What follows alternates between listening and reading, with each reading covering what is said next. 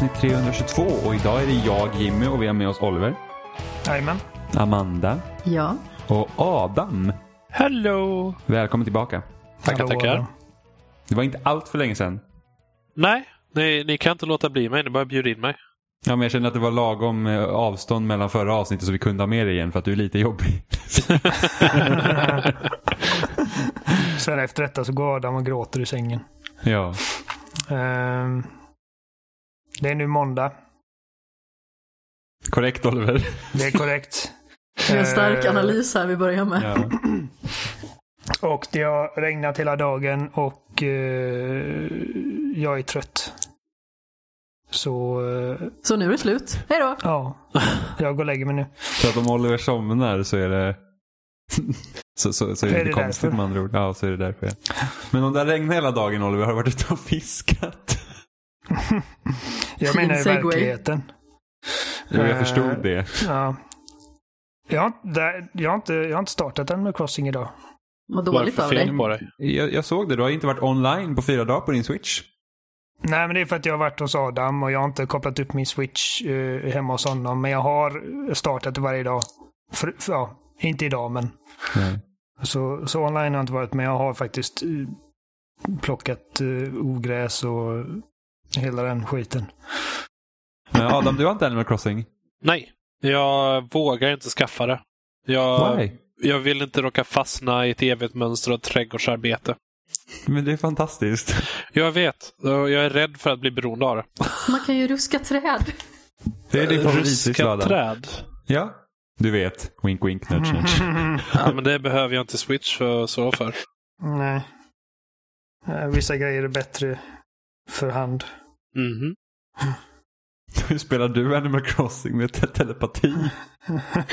Jag rullar ansiktet över handkontrollen. Bara gnugga på, på skärmen med näsan. Se Oliver springa ut så här i skogen i verkligheten och försöker ruska en björk. Allt vad han har. Va, jag hittade en fågelholk. Ja. Jag måste säga att jag är lite rädd för att den här Animal Crossing för att ju längre man kommer på sin stad ju mindre kommer man ju vilja liksom Alltså ju mindre tid kommer man ju kunna spendera på den för att sen när man börjar känna sig klar, vad ska man göra då? Då är man klar. Ja. Fast de är, de är duktiga med att uppdatera ändå. Alltså jag gillar ju den här liksom att, att nu har de ju det kommer ju i veckan den här Earth Day-uppdateringen och då har den liksom lagt till de eventen som ska sträcka sig fram till juni i alla fall. Ja, Och det är ändå kul att kunna buskar se för... Ja, bu- buskar kom. Och, konsthandlare. Och man, konsthandlaren. Och det är liksom ett, det är ett större, det är ett större as än Tom Nook. Den räven som försöker sälja på sig fake konst. Mm, ja. Jag tror i, i, tror i första Animal Crossing så, var, så hade han ett tält utanför där man bodde. Kan han sälja Typ- fake-konst? Ja, det är så att han säljer ju han har ju fyra konstverk varje gång han besöker den och tre av dem är fake. Jaha. Så har han typ den mest shadiga jävla båten och sen så får man gå in dit och kolla och så, så är det jättemörkt där inne så det ska vara svårt att se vad som är fake eller inte. Så då får man sätta sina konstkunskaper på prov. Är det liksom riktiga tavlor som man kan titta på hur de egentligen ska se ut eller? Ja, ja det det. Jaha, jag har för mig att det ska vara riktig konst. Alltså riktig. Alltså, Ja, ja. Så att det var hon den här eh, en tavla jag kunde köpa var hon den här eh, flickan med örhänget. Jag vet inte vad den heter på svenska men, men, så, men den var fake för att hon hade inte ett pärlörhänge. Hon hade ett, ett stjärnörhänge och det stämmer inte. Mm. Så Chinese knockoffs. Ja men lite så och han är ju skitglad. Alltså det roligaste var att när man träffade på honom första gången så han bara, om jag har den här tavlan jag kan sälja för dig för typ 400 000 bells. Och man Ja, bara, 400 nej. 000. Jag bara, nej tack, det vill jag inte ha. Han bara, okej men du kan få den för 4 000. Och man bara, mhm. Det var liksom så här, vad, vad, vad försöker du dra egentligen? Din lilla skit. Men eh, ja, jag, jag, jag tycker ändå att Nintendo sköter den här live service-grejen med Animal Crossing bra. Men alltså, Att de liksom ni säger live service-grej. Finns det mikrotransaktioner i det? Nej. Nej. Så det är inte typ Electronic Arts live service-grej eller något sånt? Nej, nej, nej, nej. Det är inte, det är inte liksom så här att man ska betala utan det är liksom du ska spendera tid i spelet. Och jag, alltså, de grejerna som de lägger till nu det är ju sånt som i vanligtvis så fanns det ju i spelet redan från början. Men det är bara det att de vill, nu antar jag när liksom alla är mer uppkopplade och så, så vill de liksom inte att folk hoppar i tiden och sen upplever de julen första veckan. Liksom. Aha. man, man, man, så man liksom, drip-feedar saker lite. Ja, så att det inte ska typ spoilas. Men sen får man ju se då. Jag vet ju liksom inte om, kan jag hoppa fram? Som till exempel, det var ju påskuppdatering. Eller det var, det var ju, påsken var ju där i mitten av... Kan man åka eh, fram i tiden och slippa alla jävla ägg? Ja men alltså kan jag hoppa fram till nästa påsk nu och uppleva Bunny Day eller tar de bort de grejerna emellanåt? Fast det är ju ingen som kan vilja det någonsin. Jag vet inte. Det kan ju bara vara psykopater som vill det. Ja, ja, men alltså det är bara en hypotetisk grej. För att, för att det är så att om de tar bort eventen efterhand och sen slutar de att supporta spelet, vad händer då? Liksom kommer kom, kommer de lägga till alla event i en megauppdatering eller kommer de bara säga att nej, nu får ni vara här på den här ön och inte fira något? Det är slut med firande nu. Ingen jul i år. nej, precis. Bara kol i strumpan. Om man inte har varit snäll och spolat framtiden. Dock så är det lite så här med, med eh, det här med när de pillar i uppdateringar och sånt. För att de har ju Helt plötsligt har de ju problem med att folk tjänar pengar så lätt. Så att då håller de ju på och fixar ekonomin i spelet. Trots att det inte finns någon mikrotransaktioner. Det finns liksom egentligen ingen anledning till att, alltså det är ingen som Pris. förlorar på det att, att, att man kan liksom tjäna pengar lätt. För att alltså, har man blåa blommor i sin stad så finns det just nu en fjäril som attraheras av de som, som kostar typ 2500 bells. Eller man kan sälja den för 2500 bells. Så man kunde liksom snabbt få upp ett inventory och sälja liksom och tjäna pengar på det. Och de har ju liksom sänkt spanraten på den fjärilen till exempel. Bara för att du inte ska få lika mycket pengar. Jag har typ sett en sån fjäril på typ flera dagar. Vilket är lite tråkigt. Sen tycker jag att man ser Seabass mer ofta numera. Innan så såg man ju ganska så sällsynta fiskar. Alltså då och då. Men jag vet inte när jag såg en oarfish senast till exempel. Mm. Och då är det lite så här att, och jag tror att det kan också ha att göra med att folk liksom hittar, alltså typ man har den här Turnip Exchange eh, sidan där man liksom kan åka och sälja turnips på det sättet. Att det är så att, ja men folk gör det. Så att då får de så himla mycket pengar så då måste vi göra det ännu liksom krångligare på andra sätt. Men det är så att det är en väldigt liten del av spelarbasen som tar sådana extrema åtgärder. Så det är väl typ det, är egentligen det negativa liksom med att de är snabba på att uppdatera spelet. Att de liksom förstör sätt att liksom kunna tjäna pengar. Jag tänker att det finns ju säkert en hel skara människor som inte liksom är uppkopplade på det sätt som vi är. Majoriteten Precis. Som liksom inte sitter på Twitter och får tips och kanske inte riktigt surfar runt och söker svar heller utan bara spelar helt enkelt. Mm. Men det var typ, jag minns, alltså Adam kommer du också ihåg det GTA 5 när det fanns, när det kom GTA Online? Mm. Eh, och så var det typ- aktiemarknaden och det. Ja, aktiemarknaden kom ju aldrig. Den, den bort, den, de bara, det ska finnas en aktiemarknad men inget funkar så de bara, den kommer senare och sen så strök de det ju. Eh, Till Eh. 360-versionen och eh, Playstation 3 så fanns det i början. Det Eh, fanns i för jag- början, okej. det Ja. kommer inte jag ihåg. Nej, jag, jag kommer ihåg för att det, då sa allihopa, åh, vi alla köper eh, aktier, i- jag kommer inte ihåg vad ölföretaget heter i GTA. Eh, Mm, Pissvasser. Pissvasser, ja. Alla köpte Pissvasser-aktier. Vilket gjorde att eh, alla hade så jävla många aktier och värdet på det, det liksom bara ökade, ökade, ökade för att folk ville ha de aktierna. Ja. Och sen bara bestämde alla, åh, det här, det här klockslaget så säljer vi alla våra aktier och alla tjänade miljoner dollar. Ah, okej. För jag vet annars fanns det ett uppdrag man kunde köra om och om igen för att få pengar. Och sen så då nerfar de det. Alltså de nerfar typ andelen. Eller nej, det gjorde bara så att kör man om uppdrag då får man typ en bråkdel av pengarna man fick första gången. För att det var ju så jävla segt att tjäna pengar i GTA Online innan De gjorde ju något kom. liknande med Exotic Shards i eh, första eventet i Destiny 1 när det kom. Det var så Mm. jäkla jobbigt att få tag i Exotic Shards och då fanns det här Queens Wrath-eventet där man kunde få Exotic Snipers och sådana saker. Och då kunde man dismantla det för att, och så fick man Exotic Shards. Och då Mm. blev ju Bungie sådär, nej, nu får, nu får ju folk någonting de faktiskt kan använda. Och så gjorde de så att man inte fick några shards när man dismantlade dem. Ja. Så Jag då kan- bara, "Jaha, men varför ska man köra det här då? Ja, men precis. Men till viss del så både Destiny och i GTA och sådana där grejer, då, då är det ändå online och man möter andra spelare så finns det i alla fall kanske en större anledning då att bromsa spelare liksom, så att inte alla sitter typ på en rocket launcher inom Oh. två dagar. Liksom. Men i ett spel som Animal Crossing så vet jag inte riktigt varför det skulle vara jättedåligt att kunna tjäna pengar. Om det inte blir så att framtida event kommer baseras på att du inte kan sitta kanske på typ tio, tiotals miljoner. Så att du liksom typ kan, ja men jag bara fixar allt det här på en gång och sen så är liksom eventet borta. Sånt, om det är något sånt tanke. Jag vet inte. Det är väldigt, vä- lite märkligt ändå. Det här är en Animal Crossing-podd för all framtid nu. Ja. Det kommer bli varje vecka för er. Kommer aldrig sluta prata om Animal Crossing. Om det blir pissdåligt väder i sommar så kanske jag kan kika på Animal Crossing. Vi får se. Jag tycker du borde köpa Animal Crossing ändå. Nu? Det är helt fantastiskt. Har vi en massa... Kan också vara med i the stock market. Och tjäna turnips och sitta med typ diarré på fredagen för att du inte haft några bra priser på hela veckan och vet inte vad du ska ta dig till. Uh, vi får se. Jag, ska, öva- jag får räkna betala räkningarna. Ja, jo, det är ju det också. Man kan ju inte säga så att vänta tills det kommer på rea för det kanske händer först om ett år. Ja, Nintendo-spel, det är väldigt sällan de kommer på bra reor också. Nintendos rea 20 kronor. Ja. typ. Om ni inte har så här jättemycket Nintendo Gold Point så kan jag köpa spel på det sättet. Så, Ja, jag får köpa en massa andra spel Mm. dyrt för att få det billigt. Det är faktiskt, alltså jag fick ju faktiskt Fighter Pass till eh, Super Smash Bros Ultimate fick jag helt gratis på grund av Gold Points. Ja. Så att Jag, det jag hade typ 100 kronor i Gold Points för ett tag sedan. Som jag, jag minns inte vad jag köpte för det sen, men det var ganska bra att ha. Mm. Microsoft har också en sån här reward-program man kan få när, genom att bara spela spel och tjäna achievements och sådana grejer. Och så kan man typ byta ut det mot typ store credits. Men det är bara det att min Xbox står som att jag bor i Buckingham Palace. Men den känner av att jag är i Sverige så att jag får inte tjäna några rewards-poäng. Eller jag har Ah. tjänat dem men jag kan inte använda dem för att jag är inte i det landet som jag säger att jag är i. Jag, eh, jag har... Eh, det tar så lång tid att tjäna de poängen också. Ja, Jag- jag har ju typ samlat på mig sedan 2013. Jo, jo, men det, jag, jag samlat på mig ett tag och jag har typ... Åh, jag har en tredjedel för att få typ tre månader i Game Pass Ultimate. Ah, Okej.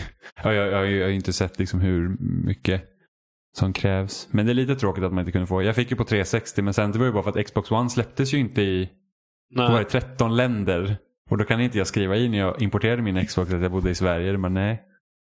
Får du inte. Nej, Så då bor jag i jag- Buckingham Palace. Jag körde ett tag USA och då satte jag min adress eh, som Microsofts högkvarter i Seattle. inte alls suspekt. Men det finns ju typ någon delstat som är skitbra att sätta sin eh, Xbox på för att de betalar inte skatt eller någonting sånt på priserna på samma sätt som alla andra så spelen är skitbilliga. oh. Men jag har, inte, jag, vet inte, jag har inte vågat göra det ifall det blir någon så att de upptäcker att det är någon så här sketchy grej så att de typ låser ens konto. Nej, men eh, nej, nu, nu, nu för tiden är jag helt svensk på alla mina konton så jag slipper de åkommorna. Ja, ja men. Storbritannien det är nästan Sverige. Det är i alla fall inom, nej okej jag kan inte säga att det är inom EU längre. Inom Europa är det. ja, fast tekniskt sett är de inte ens Europa för det är en ö bredvid Europa. Ja, faktiskt sant. Stämmer, stämmer bra det. Fast räknar man inte, är det inte kontinentalplattorna som räknas vart gränserna går mellan Europa och resten? Eller? Nej, det kanske inte är. Det, definitionen ändras beroende på hur man ser det, men eh, vi kan säga det. Definitionen ändras beroende på hur man vill se det. Ja. Idag är det kontinentalplattor, imorgon är det något annat. eh, men jag har spelat ett nytt spel den här veckan. Mhm. Så jag har spelat eh, Gears Tactics. Oh. Eh, och jag har ju typ väntat på ett så här strategispel i Gears-universumet sedan Halo Wars. För typ första tanken jag tänkte på när jag spelade Halo Wars. Jag bara, jag skulle vilja ha det här i Gears också. För att det, liksom, det funkar, det finns olika klasser, olika fiendeklasser, olika enheter, fordon och sådana där grejer. Så man ska kunna göra ett ganska roligt strategispel i det. Eh, men Gears Tactics är ju inte som en liksom, realtidsstrategi som typ Halo Wars eller Starcraft. Utan det är ju mer som XCOM. Eh, och det är helt okej faktiskt. Mm. Eh, så det är så att man har ju, jag vet inte om man, jag vill minnas att man kunde ha fem enheter samtidigt i XCOM 2 när man var ute på uppdrag. Eller har, Man kan fel? uppgradera. Man börjar med fyra, men man kan uppgradera till sex, tror jag. ah, Okej, för att i Gears Tactics så är, då har du fyra stycken på en gång. Eh, och jag har inte kommit i alla fall så att man kan ha flera och jag tror inte man kan ha flera för att det som Gears Tactics saknar är att det finns ingen form av liksom mellanspel mellan uppdragen. Eh, du har liksom ingen, ingen bas du uppgraderar eller teknologier du tar fram utan det är liksom du kör uppdrag på uppdrag. Eh, och sen så hittar man då liksom att karaktärerna som de är i, de går ju upp i level och så har de ett skill tree så kan man liksom välja olika skills de får. Och sen så kan man hitta vapenlådor på, alltså på underuppdragen då som innehåller nya vapen och armordelar helt enkelt. Så det är egentligen, de har ett inbyggt lootbox-system som du inte kan köpa med pengar som man säger. Eh, så att det är liksom random vad man får i dem. Vilket jag tycker är ganska trist. Ärligt talat. För att det är något som är skitkul liksom i, i XCOM är det att när man liksom, du kör ett uppdrag som är jättesvårt och sen så går du tillbaka till basen och sen så får du använda dina surt förvärvade pengar eller vad man, jag kommer inte ihåg vad det kallades de, när man uppgraderade grejer. Fanns det inte flera olika valutor i XCOM? Om jag man eh, får, men det finns dollar och sånt. Och I XCOM 2 så la de till eh, eh, Intel och sådana saker också. Ja, just man behöver liksom hitta lite, det är lite olika resurser för att kunna uppgradera olika saker.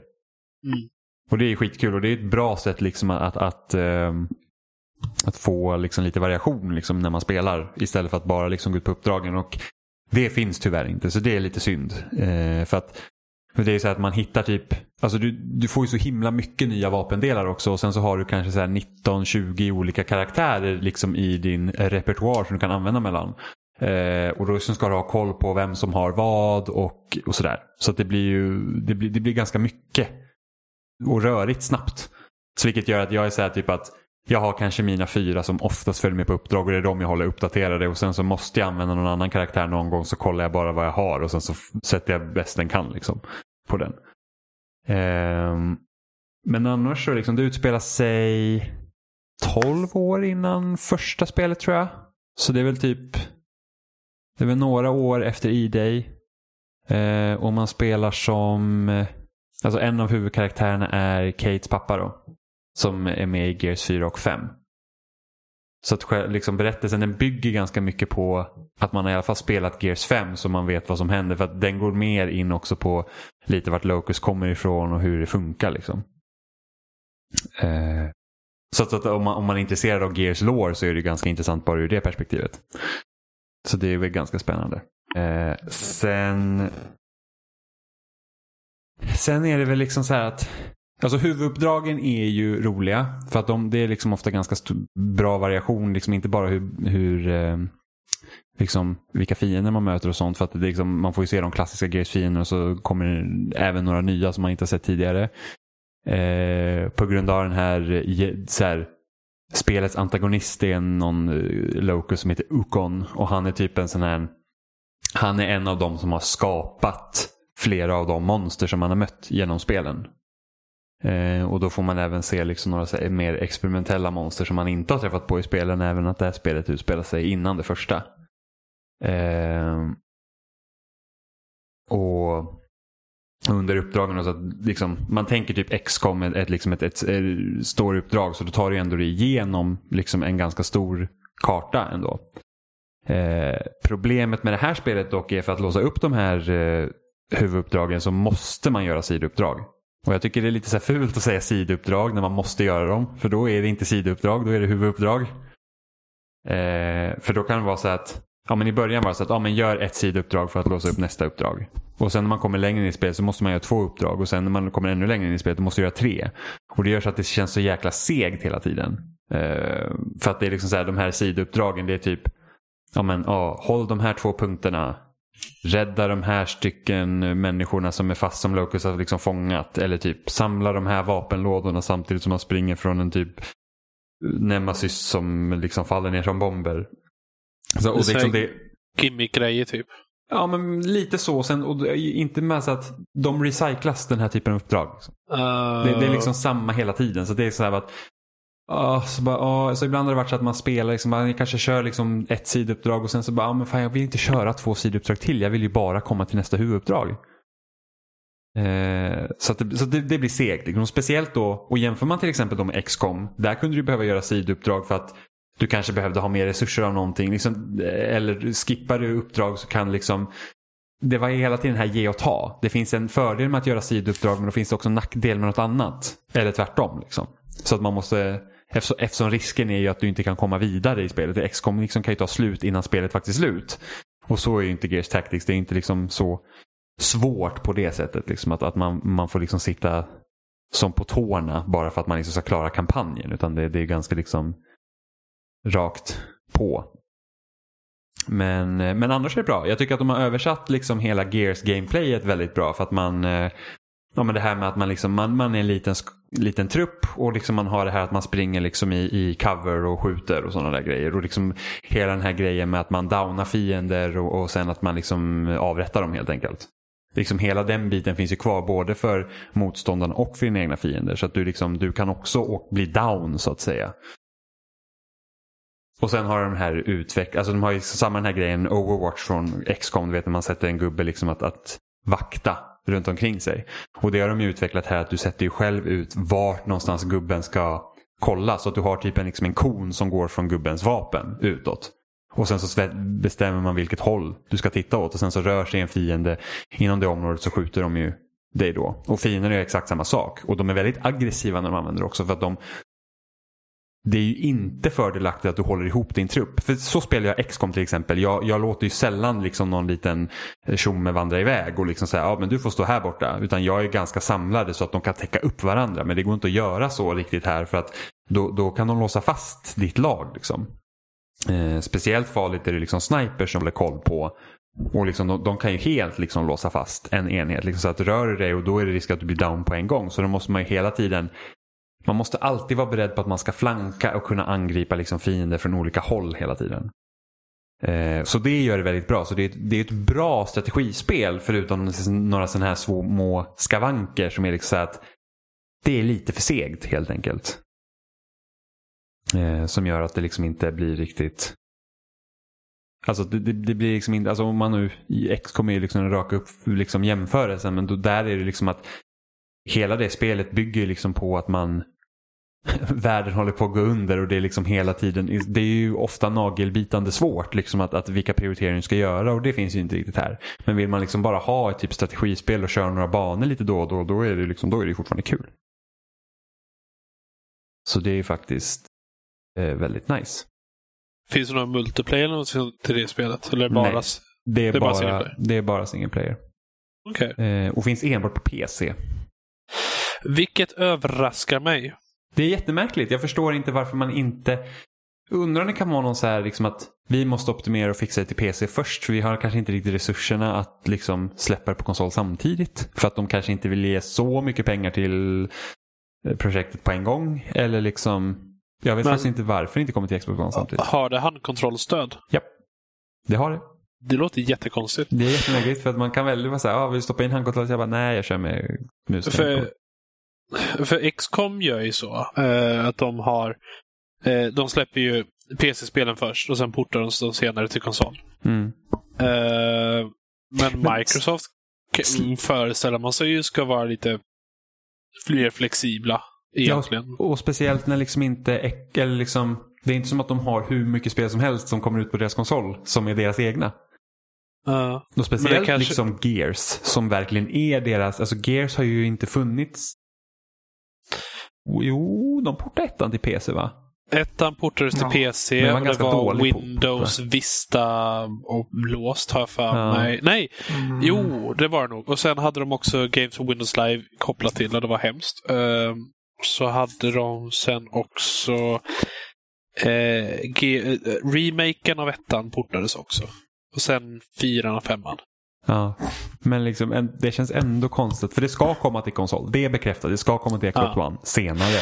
Men jag undrar varför det inte... Men det kan ju ha varit något så här, vi hinner inte porta och vi måste få ut det ungefär det här datumet. Så då Sen kan det ju också vara att Microsoft försöker tilltala PC-spelare lite mer eh, generellt. För att de har ju redan konsolspelare medan de har haft svårt att få igång Microsoft som seriösa PC-speltillverkare. Liksom så. Mm, ja, det är möjligt. Så det kanske är liksom bara, här är någonting för er. Ni tycker om XCOM, här har ni något. Mm, mm.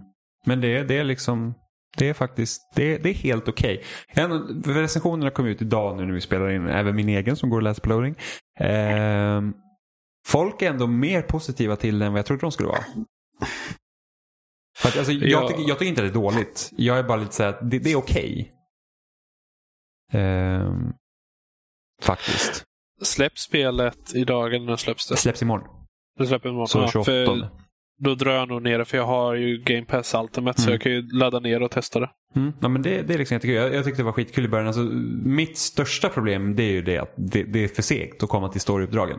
För att det, jag vill inte göra sidouppdragen. Jag tycker det är tråkigt. Och det är så här att först, ja men det är nice att kunna samla lite vapendelar och sån här grejer men man hittar sådana under huvuduppdragen också så det behövs ju liksom inte riktigt. Det, det hade kunnat finnas där liksom Okej, okay, men visst jag kan satsa på att köra det här sidouppdraget för att man får liksom en legendary scope eller någonting. Och då kan man köra det då om jag känner att det är nödvändigt. Men jag vill liksom se vad som händer i spelet. Och då är jag mer intresserad av det. För det är rätt så intressant också. Alltså, om jag tänker nu för att både jag och Amanda vi har ju spelat igenom Gears. Vi är, vi är klara med första trilogin på 360. Eh, och vilken tonändring det ändå är mellan originaltrilogin och hur de har liksom gjort med nu femman och det här. För att det inte alls, alltså kontrasten mellan liksom att vara lite töntigt och sen ta det lite mer på allvar är liksom större i de äldre spelen än vad det är till exempel i det här. Det är liksom det är en ganska allvarlig ton i Gears Tactics och även Gears 5 jämfört med hur det är liksom Gears 1 och 3. Skulle inte du Ja. säga det Amanda? Jag tyckte Jo, 1, 2, 3 absolut. hade en ganska bra balans. Eh, ändå. Det visste när det skulle vara allvarligt men överlag var det ganska lättsamt ja. Mm. För jag tror det liksom blir Det blir ju liksom så här att du kan ha en cutscene där det är ganska allvarligt. Och sen då som Amanda säger så bara ah, så dödar man en ny fiende och så bara shit yeah! Vad min fru dog precis men visst. Ja men precis, alltså det blir ju väldigt märkligt när de på något vis försöker få en att bry sig. Alltså både i framförallt andra och tredje spelet med eh, olika typer av skeenden som rör dem. Mm. Och eh, alltså som sagt, hans fru dör. Och sen typ går han och plockar upp någonting och bara så här, Don't mind if I do. det blir så himla märkligt. Så här, men vill du att jag ska liksom bry mig om dig som karaktär eller eller ska du bara springa runt och ploja nu en stund? Alltså, vilken ton är det du är ute efter? Det blir jätteskumt tycker jag i alla fall. Och det är ju vanligare i dagens AAA-spel att du har ju liksom Det är inte bara mellansekvenserna som förmedlar den känslan karaktären har utan det händer liksom konstant. Medans liksom sena 2000-talet då var det liksom att du har cutscene där är story och sen så när du spelar så spelar du. Ja men precis, och då slänger karaktärerna ur sig diverse kommentarer som är typ orelaterade till vad som just har hänt. Mm. För att alltså, det vet jag som Oliver, du brukar nämna det när vi pratar om The Last of Us. Efter vinterkapitlet och Ellie kommer inte för att hjälpa till med stegen eller vad det nu är. Och man märker att något är fel. Och det händer liksom inte i mellansekvens, det händer när du spelar. Mm. Och det var ju inte vanligt då.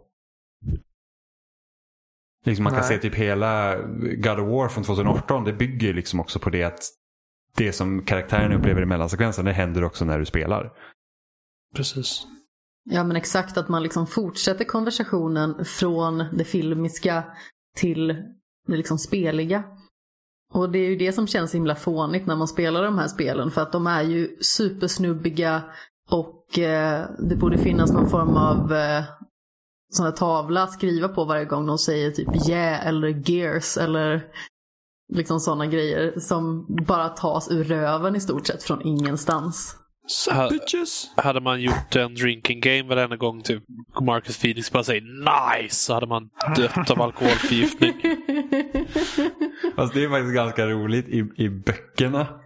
Så att vet jag, när Marcus säger också shit ganska ofta. Och i böckerna så går de igenom flera sidor av förklaring av Marcus olika shit han säger. Så man vet vilken sinnesstämning är. Så lite töntigt är det. Gud. Men Men alltså, det är ju meningen att det ska vara töntigt känns det som också. Alltså, det känns ju som att serien inte tar sig på jättestort allvar. Det är också därför det blir så himla konstigt när det känns som att nu försöker vi göra något allvarligt här. Märker ni det? Bara, ja, vi märker det, men det blir bara konstigt. så jag har ju Nej, inte samma tycker- relation till Gears som Amanda har. Jag är ju, går ju mycket djupare in på de här. Jimmy sitter och blir besviken att, på eh, mig varje gång jag säger någonting. Jag bara.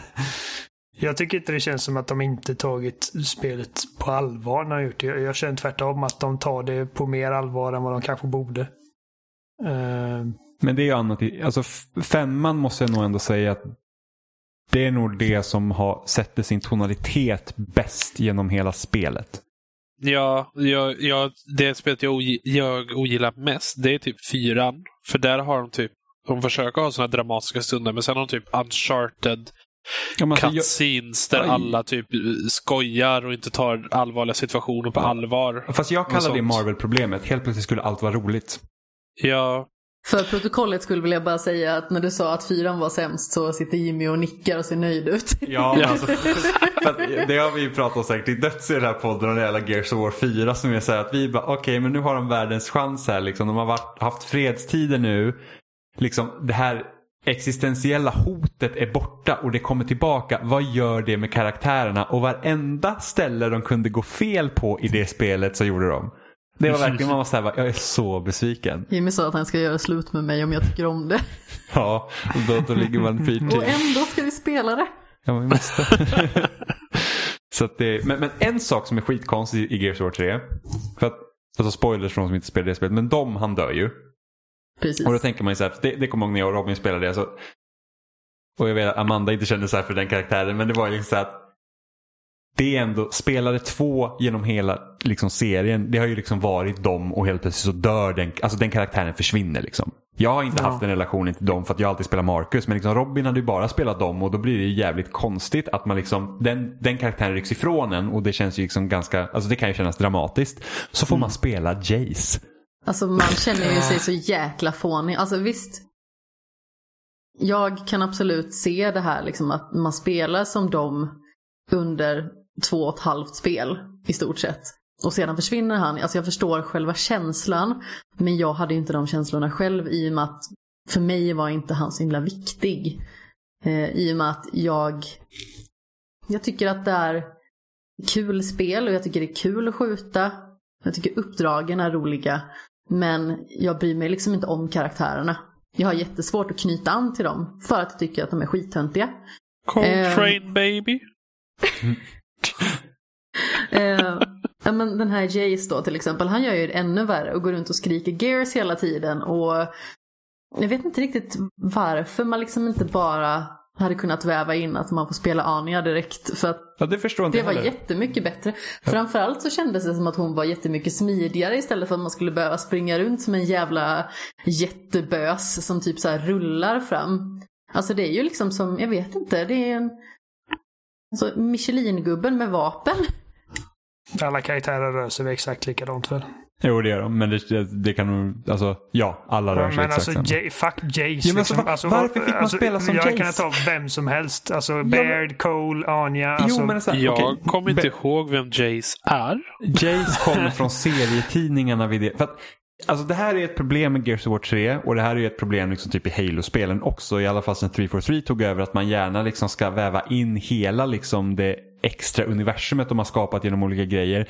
Men Gears 3 är Alltså det gör ännu mer på den här grejen. För de liksom ska väva in böckerna och de ska väva in serietidningar och allt. Och det är liksom karaktärer som, alltså Hopp, spelar man bara spelen ärligt talat och hoppar in i trean. Det är så mycket som har hänt emellan och i alla olika de här delarna. så att jag var så här, hmm, det, är det är fascinerande hur svårt det skulle kunna vara att hänga med just nu. För det är liksom namn och sånt som, som bara namedroppas som kommer från böckerna. Som har jätteviktiga roller som liksom bara dras över jättefort. Och Jace är en sån karaktär. Liksom. Det finns liksom ingen koppling till honom om man bara spelar spelet.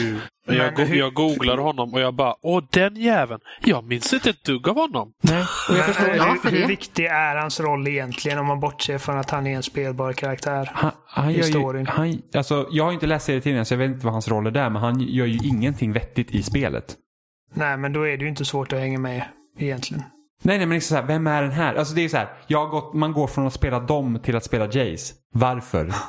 Det är ju Ja, den nej, liksom, det- varför, det ska, varför spelar man inte? Knasigt. för jag tänkte så här att okej, de kanske är någon sån här grej att oj, jag, här kommer typ den sexistiska megabebisen och kan inte spela kvinna efter man har spelat dem, tänkte jag först. Så att man får spela som Jace och sen efter att när Jace försvinner då kanske man får spela Baird eller Cole. Men man fick ju faktiskt spela Anya som spelade två, så varför kunde man inte få spela henne på en gång? Är det? Okej, så... Ja, just det. För man spelar väl inte Jace resten av spelet? Nej, du spelar honom Nej. bara under det resterande, ska vi se, För så fort akt 5 börjar då spelar du som Ja, Anja. men efter att de dör så spelar man Jace. Ja, och och, sen- sen, ersätts han med Anja, säger Ja, du. men Anja är ju med hela tiden. Alltså, Det är jättekonstigt. när man alltså. får spela som Jace då är Anja med. För då är det Marcus, Jace, Anja och Sam som man spelar som. Det Eller som är med där efter att de har dött. Ja, det är jättemärkligt. Så jag var ju såhär, jag bara, jaha, men då kanske man inte ska få spela som kvinna då, tänkte jag. Att det kanske är därför de har liksom lagt någon form av spärr för spelare två där. Så att man ska spela Jace och sen får man spela Baird eller någonting sånt. Ja, men sen gör man det ändå. Så Ja. det handlar inte om det. Nej. Så att, nej, det är jättekonstigt. Alltså, jag tycker att det här med, med liksom att hoppa mellan olika spelbara karaktärer. Jag tycker inte det sköts jättesnyggt i Gears 3. För att jag gillar liksom att eh, jag har min karaktär och jag är den karaktären. Mm. Den enda Eh. gången jag tycker det fungerar, det är ju typ om man utforskar en karaktär man redan känner till, men kanske inte fått, som till exempel scenen med, scenerna med Cole i trean, Mm. när man får spela som honom. De scenerna tycker jag om personen, för att det är en karaktär jag redan tycker om. Jag, jag tycker om Cole Mhm. Train Mm. jättemycket. Ehm, och så att man får lite mer man får lite mer insyn på den karaktären. Där tycker jag det funkar. Men när man tar en karaktär som Jace, som i princip är en vandrande planka med ett vapen fasttejpat. Det är liksom... Eh, Ja, nej, man kan inte ersätta dem med Jace. Nej, och det, det, är inte, det är inte jag som säger att Åh, de är världens bäst skrivna karaktär. Det är liksom bara att det, alltså, de har varit Player 2 i två spel. Eh, och liksom flera år innan detta. Ja, och Anja Så- har man ju dessutom någon form av relation till, liksom som spelare. Ja, hon har, hon har ju varit liksom, hon har inte haft en jätteaktiv roll i alla spelen. Hur först i trean, hon är liksom en soldat. Men hon har ändå varit en karaktär som har, som har varit med sedan början. Ja, men hon är också närvarande i och med att liksom man pratar med henne. Ja, och sen Ja. tänker man liksom att Marcus och de har haft en relation med varandra. Marcus och Anja har en relation med varandra. Så att det är liksom, även för spelare två där så hade det varit mer naturligt att gå till Anja direkt. För Jag du tror har ju fortfarande med- kopplingen. Jag tror jag till och med sa när jag fick spela Jace typ, vad är det här för tönt? Man är jättetöntig. ja. Men eh, Och det är liksom inte töntig på ett bra sätt utan bara töntig töntig. det är typ, för han skådespelaren som, han är ju en rappare. Oh. Eh, Som spelar Jace. Är det typ han som har mutat Epic bara, jag måste få vara liksom spelbar. Ingen aning. Alltså, det var väl typ en period man tyckte om att ha typ artister och sånt med i spel som De skulle spela. Ja, men han är inte den enda artisten. Ice-T har en eh, rätt jobbig roll i Gears 3. Ja, alltså fy Åh, fan. Jag hatar verkligen Griffin. Alltså fy fan vilket Jag jävla... märkte det. Alltså, Hatet det- var djupt rotat också. Ja, men alltså det är så att jag tycker att är det något som svärtar ner den kampanjen så är det liksom den karaktären. Jag tycker han passar inte. Det absolut fulaste av allt är när han åker iväg och pekar finger. Tycker det är så jävla roligt. Nej, det är hemskt. Så bara, we're not done Phoenix. Alltså, jag, inget ont om Ice-T. Jag tycker han är ascool. Och eh, han verkar vara en hygglig kille. Och jag, jag såg han göra en cover på Ace of Spades med Motorhead och gjorde den perfekt. Så jag bara, okej, han, är, han är typ hur cool som helst nu.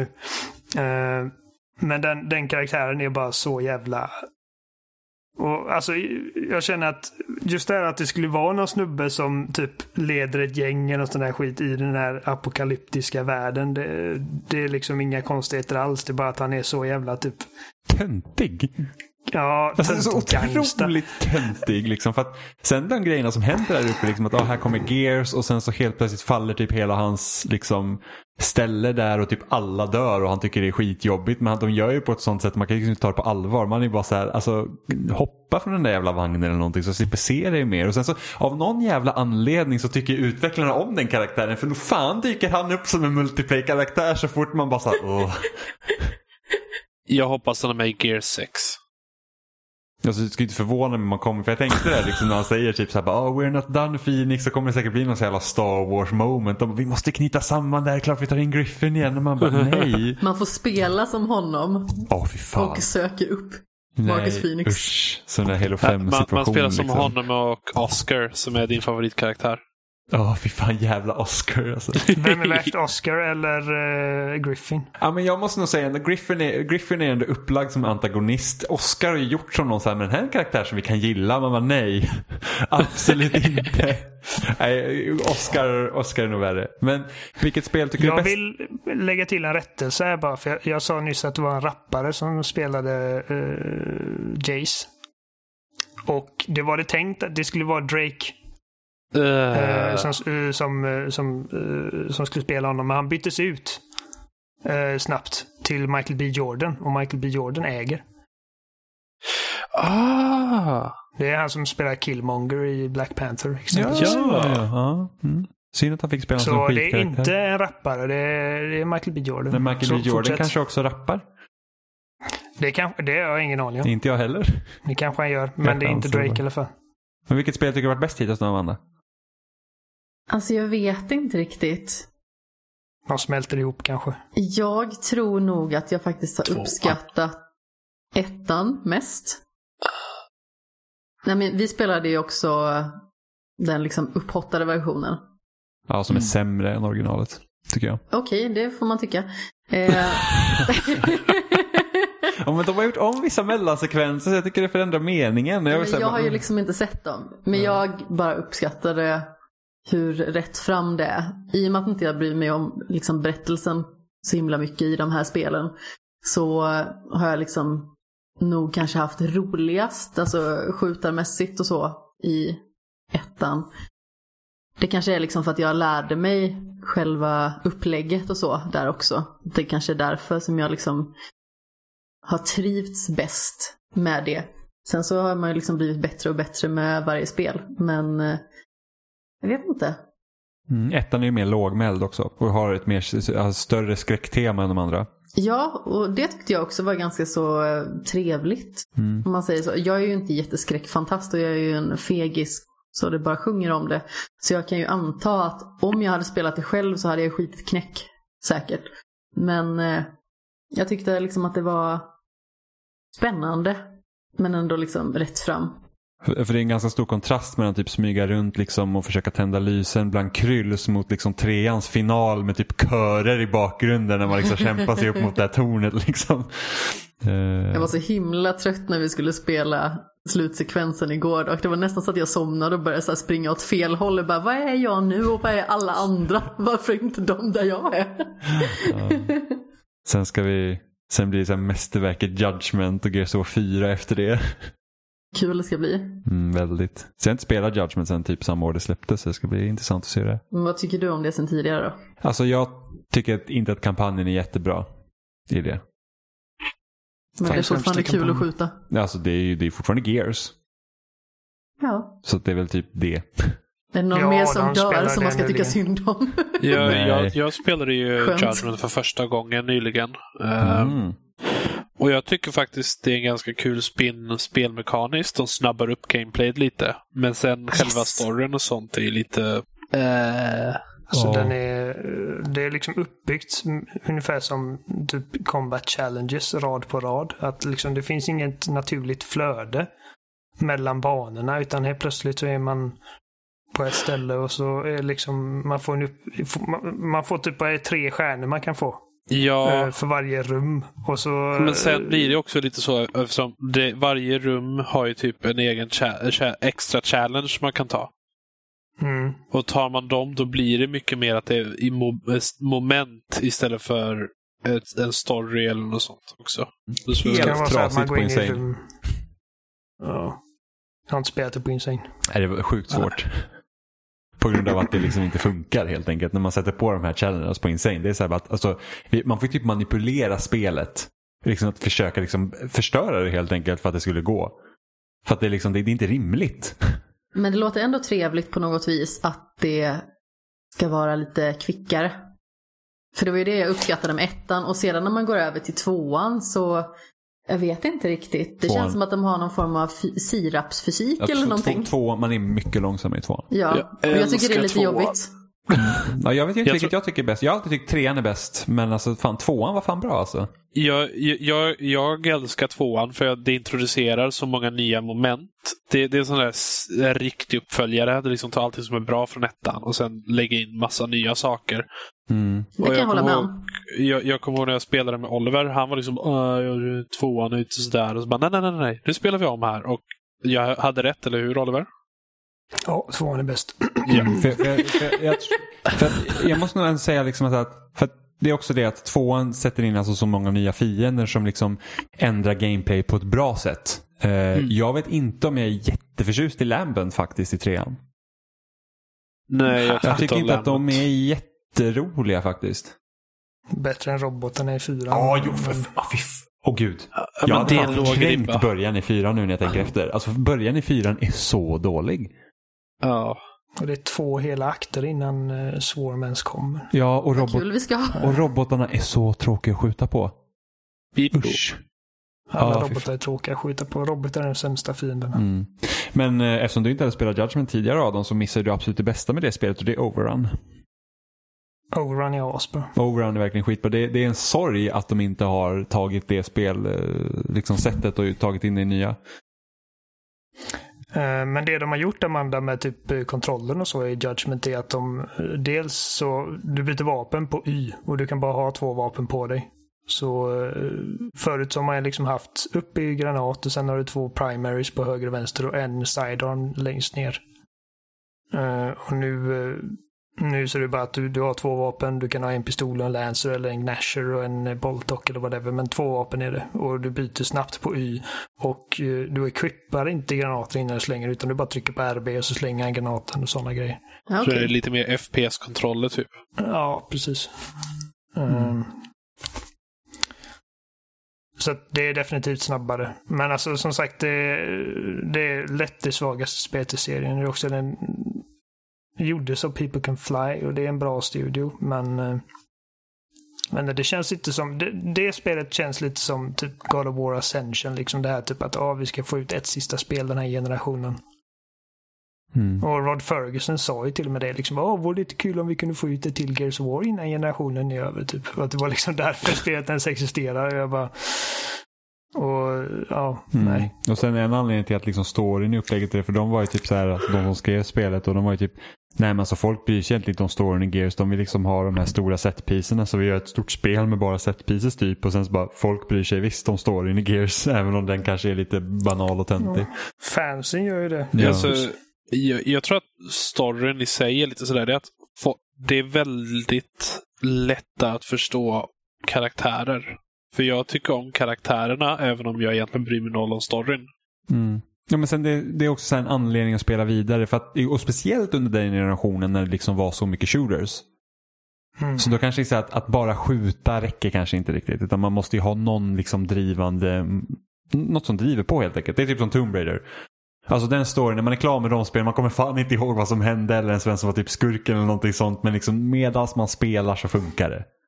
Det är fan rätt. Jag kommer inte ihåg ett skit av något av de här Tomb Raider-spelen. Nej, nej inte Och Rise håller jag ju ganska så högt. Jag tycker ju om det hur mycket som helst. Men när jag tänker efter vad det var som hände egentligen så minns jag ju typ ingenting. Alltså, vad- var det Man typ- rajdade runt i snö, blev jagad av en björn och sköt lite pilar. Ja, var det inte typ någon tant i slutet som visade sig vara typ den stora skurken i det spelet? jag- Jag, jag, jag, jag kommer ihåg en massa sådana saker. Uh, tyvärr. Och så jag, jag hänger ju upp mig på storysaker i Rise. Ja, Eh, du, du är ökänd för att liksom bara, bara, men om det var så, hur kan det vara så? Och, och jag tycker inte om detta och detta och det är så och så. Och jag bara, vad fan. Vem bryr sig ens? Jag bryr mig. Jag, Ja, men, uppenbarligen. men jag är ju sån som liksom, om, om ett spel försöker ha liksom eh, om, om ett spel försöker vara väldigt dram- eh, överdramatiskt och ta sig själv på för stort allvar, då försöker jag också ta storyn på allvar. Och då märker jag de här problemen och då bara, åh nej. Ett problem som jag hade med liksom- Rise, oj förlåt Oliver, ta du först. Nej, det är lugnt. Kör du. Ett problem som jag har med Rise det är ju, jag har för mig att det är Rise i alla fall, den här helikopterstriden på slutet som är så förgrymlat dålig. Eh, det, det är nog Rise, ja. Tror jag. Jag, Så springer man runt bakom massa grejer och blir jagad av någon sur snubbe. jag minns inte ens det. I... Jo, jag tror det är Rise. Ja. Det är typ i slutet av Rise. Ja men alltså det är typ slutbossen. Varför man Och sen nu... kraschar skulle behöva det. Ja. Alltså det är så verkligen klassiskt Alltså- tv-spel. Det är så att nu har vi en helikopter som boss. Ja. Jag saknar gamla Lara Croft. Jag tycker att de här spelen har varit, i alla fall första och andra, har varit väldigt bra. Och liksom mekaniken håller ju i Shadow of the Tomb Raider. Däremot alltså berättelsen och vissa sekvenser, alltså jag kände bara, vad Alltså- hände här egentligen? Det här är ju bara skit. Shadow of the Tomb Raider är liksom ett av de mest liksom bara... Bortkastade spelen. Alltså jag... Jag kommer nog aldrig spela om det. Nej, gör inte det. Och jag, jag spelar om... Jag gillar att spela om spel. Jag spelar om mycket spel. Jag lägger säkert mer tid varje år på, på att spela spel jag redan har spelat hundra gånger än nya spel. Alltså jag spelar om saker som jag tycker om och Rise of Tomb Raider tycker jag inte om. Så det kommer jag liksom inte spela. Mm. Alltså Shadow of the Tomb Raider är, men jag tycker ettan och tvåan är liksom ändå rätt bra spel. Jag tyckte Uh. om Shadow helt okej mekaniskt. Just, eh, jag tyckte om att de hade lagt till mer pusslande och utforskande och så. Men sen själva storyn, jag fattar ingenting om vad det är som händer där. Liksom bara, aha, den här personen som är en skurk, han är en del av en, en jävla konspirationskult. Men han är också en gammal inkapräst. Eller eller jag bara, vad är det här? Jag fattar ingenting. Vad är det som händer? Eh, Alltså, jag minns inte detaljerna så jag kan inte riktigt argumentera för min sak. Men jag tycker Lara framstod som värsta psykopaten i det här spelet. Det Ja, jag. verkligen. Jag tyckte om det, när hon reste sig upp i vattnet och bara började mörda folk och sånt. Ja, Eh, hon kommer typ som en predator. ja, liksom. och det är typ Terminator-musik. Bara, wow! Och jag bara yes, det här är nice. Jag vet inte, det är, hon typ orsakar apokalypsen i princip och bara åh stackars mig. Nej, jag, jag, tycker hennes beteende är väldigt besynnerligt. Hon känns så extremt självcentrerad. och det här liksom, alltså ett problem med eh, det där liksom, eh, vad kallas det, ludonarrativ dissonans. Ja. Som, som man ofta snackar om i Uncharted-termer, men i Uncharted har de liksom aldrig riktigt stannat upp och typ reflekterat över alla de här människorna som Nathan Drake skjuter ihjäl. Eh, Ja, så att, Låt oss bara gå vidare typ. ja, men det, liksom, det är typ Indiana Jones-grejen, liksom att det eh, lägger inte, vi lägger inte så mycket vikt och allvar på, på våldet, utan det handlar mer om karaktärerna och relationen till karaktärerna. Och, liksom, och det fungerar jävligt bra där. Uh, Medan i Tomb Raider så är det liksom bara, åh nej. Jag dödade en och sen så liksom... Och jag vet, alltså där, där har ju folk nämnt hundra gånger. Jag har säkert sagt det hundra gånger bara på den här podden. Men just det här liksom att de, de gör en sån stor deal av det att och hennes första kill och att det är så hemskt och hon typ gråter och jävlas och sen så liksom resten av spelet så Headshots, headshots, headshots. alltså bara slaktar folk. Och, och jag hade inte reflekterat över det liksom ifall... Det är som att det har gått en propp liksom. Ja. ehm, nej, alltså jag tycker att deras hjärtat var på rätt ställe. Liksom att de ville modernisera och typ eh, få Lara Croft att bli liksom mer av en jordnära, mer relaterbar karaktär. Men jag tycker inte att det riktigt fungerar i slutändan. Var det Rihanna. Pratchett som skrev alla tre Nej, hon skrev, skrev inte hon bara Hon skrev- första? Jag för mig det. Hon kan skriva första och Rise kanske, men hon har nog inte Ja. någonting något med Shadow att göra. det var ju en annan studio som gjorde trean. Ja, det är ju det är Sex-studion som gjorde trean. Ja, de stackars jävlarna. Men alltså det är en sak, liksom, man, man, kan, man kan skriva ett manus och det kan liksom se jättebra ut på papper, alla de här grejerna. Men i ett spel som, som är en shooter i princip så, så är det svårt. Alltså jag tycker att jag känner mig häftig som karaktären och jag gillar ju liksom att pilbåga fiender och smyga runt och vara häftig. Men Inte Som lika sagt. coolt som att göra eh, typ bakåtvolter och skjuta med två pistoler dock. Eller att dodga för dinosaurier. Ja, och typ eh, ha ihjäl typ sabeltandade tigrar i slow motion. Det är ascoolt. Ja. där, där är ändå liksom, där de vet vad de höll på med på den tiden. Liksom att där, Lara Croft är typ en superhjälte i princip. Alltså, hon är så jävla cool och bara har sin brittiska dialekt och verkligen känns som en lady. Eh, men eh, ja, nej, jag saknar gamla Lara. Hon var så jävla cool. Ja, men apropå sakna gamla spel. Ni har ju spelat eh, Half-Life Alyx båda två. Ja, jävlar i mig. Yes! Typ surrealistiskt att ens säga det, att jag typ spelat ett nytt Half-Life-spel. Hihi. Jag åkte till, eh, till, från västkusten till östkusten hem till Adam för att han är den enda jag känner som har en dator bra nog att köra den skiten. Och, och har liksom utrustning för att spela den skiten. Ehm, så det är vad jag har gjort i helgen. Så tack Adam för att jag fick eh, komma och låna din dator. Och nu Ingen säger vi inte mer om det. Nej, precis. Nej, Och nästa vecka spelas det var bra. Uh, hej då. För att det här är ju ändå första... Det här är, ändå, är inte det Valves första single player-spel sedan Portal 2? det tror jag nog. Jag tror det. Ja, de har bara släppt multiplayer sen dess. Mm. Dota var de va? Men det är väl mul- multiplayer? Ja, Dota multiplayer. multiplayer. eh, deras kortspel var multiplayer och ingen tyckte om det. Och eh, Sen har de släppt uppdateringar till Team Fortress och Counter-Strike. Det är jävligt kul att liksom se den här Valve-loggan dyka upp. Och eh, spela ett spel som man känner att... eh, Åh gud. Alltså fingertoppkänslan i detta är liksom väldigt sällsynt.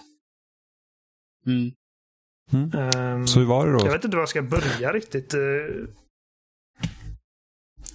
Eh. Adam, börjar du. Ehm, För det här är en spelat- prequel har- till Half-Life 2, eller hur? ja, du spelar sig fem år innan eh, Half-Life 2 börjar. Och eh, man spelar som Alex Vance. Ehm, och ehm, det spelet börjar med att hennes pappa då blir tillfångatagen av Combines. Eh, ehm, Och sen ja, ska man liksom frigöra honom i princip. Och sen utvecklar det sig och eh, det händer andra grejer på vägen.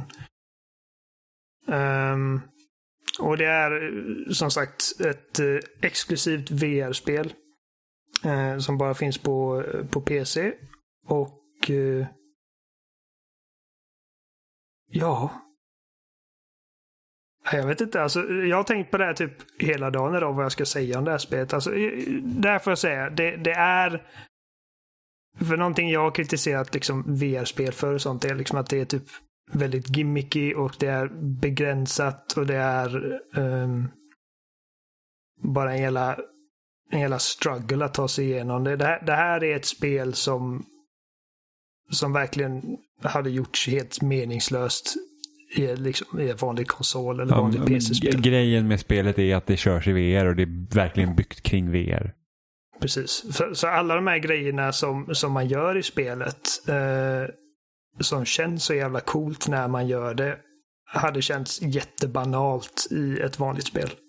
Ehm, Men det är typ Och, därför typ eh, grejer som så här eh, Job Simulator och sådana grejer funkar i VR. Liksom att, att man gör skittråkiga Precis. saker men det funkar för att man faktiskt gör de sakerna. Det är inte bara en knapptryckning.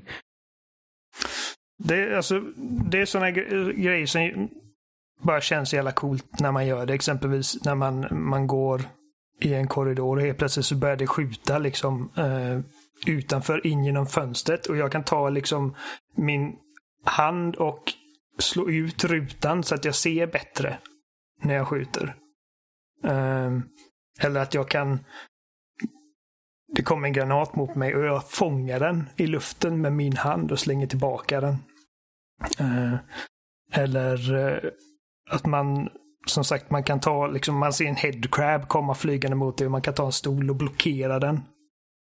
Ehm, Alltså, man kan plocka upp i princip allting i spelet. Eh, och en grej som är jävligt smart som man, de har gjort med spelet. För, eh, du har liksom ingen gravity gun i det här spelet utan du har så kallade, vad, vad kallar de det i spelet? Gravity gloves?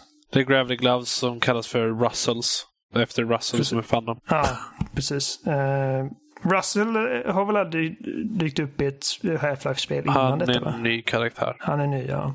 Så han är liksom din typ... eh, eh, och vad är det då han kallar det i Spiderman? Guy in the chair. Liksom den som man har i örat liksom, Ja. som pratar med dig i, din, eh, i ditt headset. Så spelets och- Oracle i princip. Ja. Eh, ja. Eh, och eh, men de här handskarna som man sätter på sig, bara, de, de ser så jävla coola ut också när man kollar på sina händer. De ser riktigt high tech. Eh, och det är liksom, det är bara en sån perfekt idé för ett spel som detta där man liksom fysiskt måste sträcka sig och plocka upp grejer från marken. Uh, är att man liksom med handen då, med, med vilken båda händerna, i, i, eh, kan man göra detta. Liksom att man siktar på ett objekt och så liksom trycker man in triggern och så drar man till sig det, liksom flickar med vristen och så kommer den flygande mot dig och så måste man trycka på knappen igen för att fånga den. Och det är liksom två, tre gånger efter att man gjort det så sitter det liksom i ryggmärgen och det bara känns hur bra som helst. Uh, och man spelar kanske 20 minuter innan man får de här handskarna så att efter att ha gått runt liksom och typ letat i lådor och grejer och böjt sig ner och, hållit på och knölat för att plocka upp eh, pistolmagasin och resin eh, som man använder för att uppgradera sina vapen. Så det är bara så jävla skönt att man slipper göra det. Liksom, nu bara pekar du på någonting och drar det till dig och så fångar du det. Uh, och det är bara sån här, en sån simpel grej som i ett vanligt spel. Uh, man trycker på X och ladda om sitt vapen. Det blir en mycket mer involverande process i det här spelet. Så med pistolen så måste du först trycka på knappen för att uh, skjuta ut eh, det använda magasinet. Och så sträcker du över axeln. Trycker på en knapp så du plockar upp ett nytt magasin. Och du trycker in den i pistolen och sen så drar du i slidern för att liksom eh, få in en kula i mynningen. Och det är först då du kan börja skjuta. Eh, så att bara det liksom blir ett väldigt involverande spelmoment. Liksom bara att ladda om ditt vapen. Och det är samma med shotgun, liksom att du trycker på en knapp för att eh, öppna upp hela mekanismen. Plockar upp liksom här shotgun shells en i taget. och trycker in. Och sen flickar du med vristen för att liksom få igång den igen. Eh. Och typ att öppna liksom skåp i ett kök exempelvis. För att kolla efter grejer. Liksom. Det, man, man, känner sig verkligen som att man är i spelet. Och det är ett spel som jag kommer jag sa det till Adam liksom, när spelet släpptes. Att jag, jag önskar att det var ett riktigt spel. Och han bara, det är ett riktigt spel. Och det är det faktiskt. det, det är liksom inte någonting som, de har inte behövt göra massa eh, kompromisser. Eh, I alla fall inte onödiga kompromisser. Sådana grejer typ som att Eftersom att det är ett spel där dina händer gör allting så, så har du inga vapen exempelvis som i verkligheten hade krävt två händer för att hantera. Eh, så att det, det begränsar ju lite vad du kan göra. Du har liksom en pistol, en shotgun och ett maskingevär och alla är liksom mindre varianter. Typ, alltså om du tänker en futuristisk Sadoff eller en SMG i princip. Um, men alltså de gör väldigt mycket coolt. Och även med pussellösningar och sånt. Liksom att de leker med 3D-perspektivet. Och du har liksom 3D-pussel du måste lösa. Och det bara känns väldigt bra. Um, så detta är faktiskt ett spel som Alltså det, det görs möjligt på grund av att det är VR. Det hade inte fungerat som ett vanligt spel. Och ifall, ifall man då mot all förmodan skulle porta över detta till, till att vara liksom någon form av spelbart i, som ett vanligt liksom konsolspel så hade man liksom helt missat poängen. För att, att trycka på en knapp och ladda om är väldigt banalt liksom när man inte faktiskt behöver göra det själv. Mm.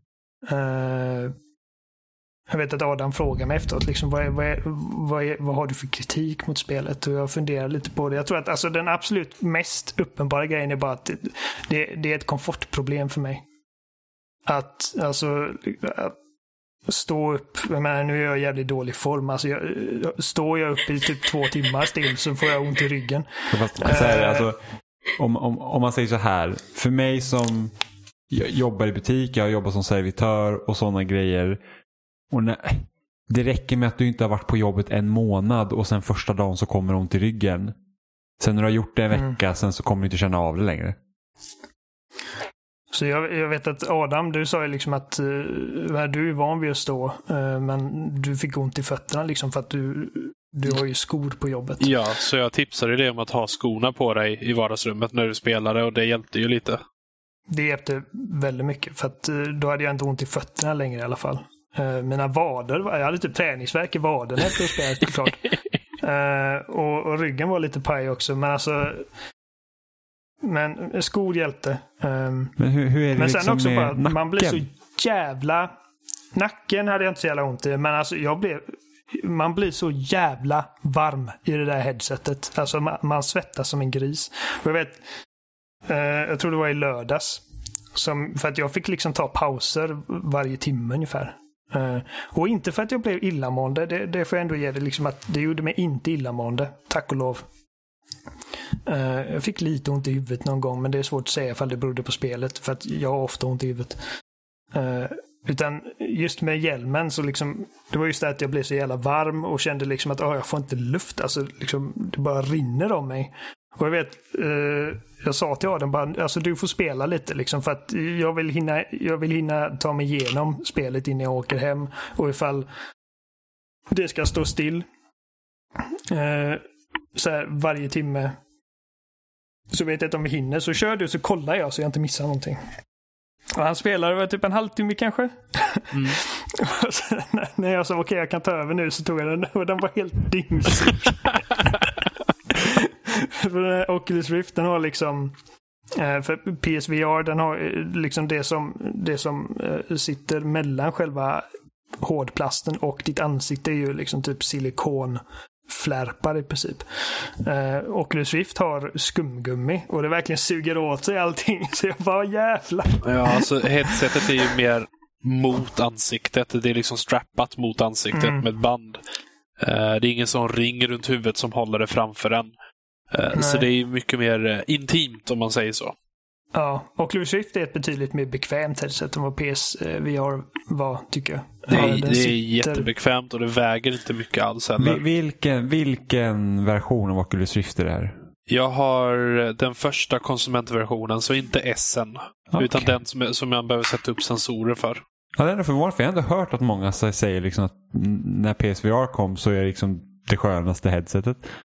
Jag tror att det som är, det är skönare att komma igång med, för man bara typ trär på det och spänner åt.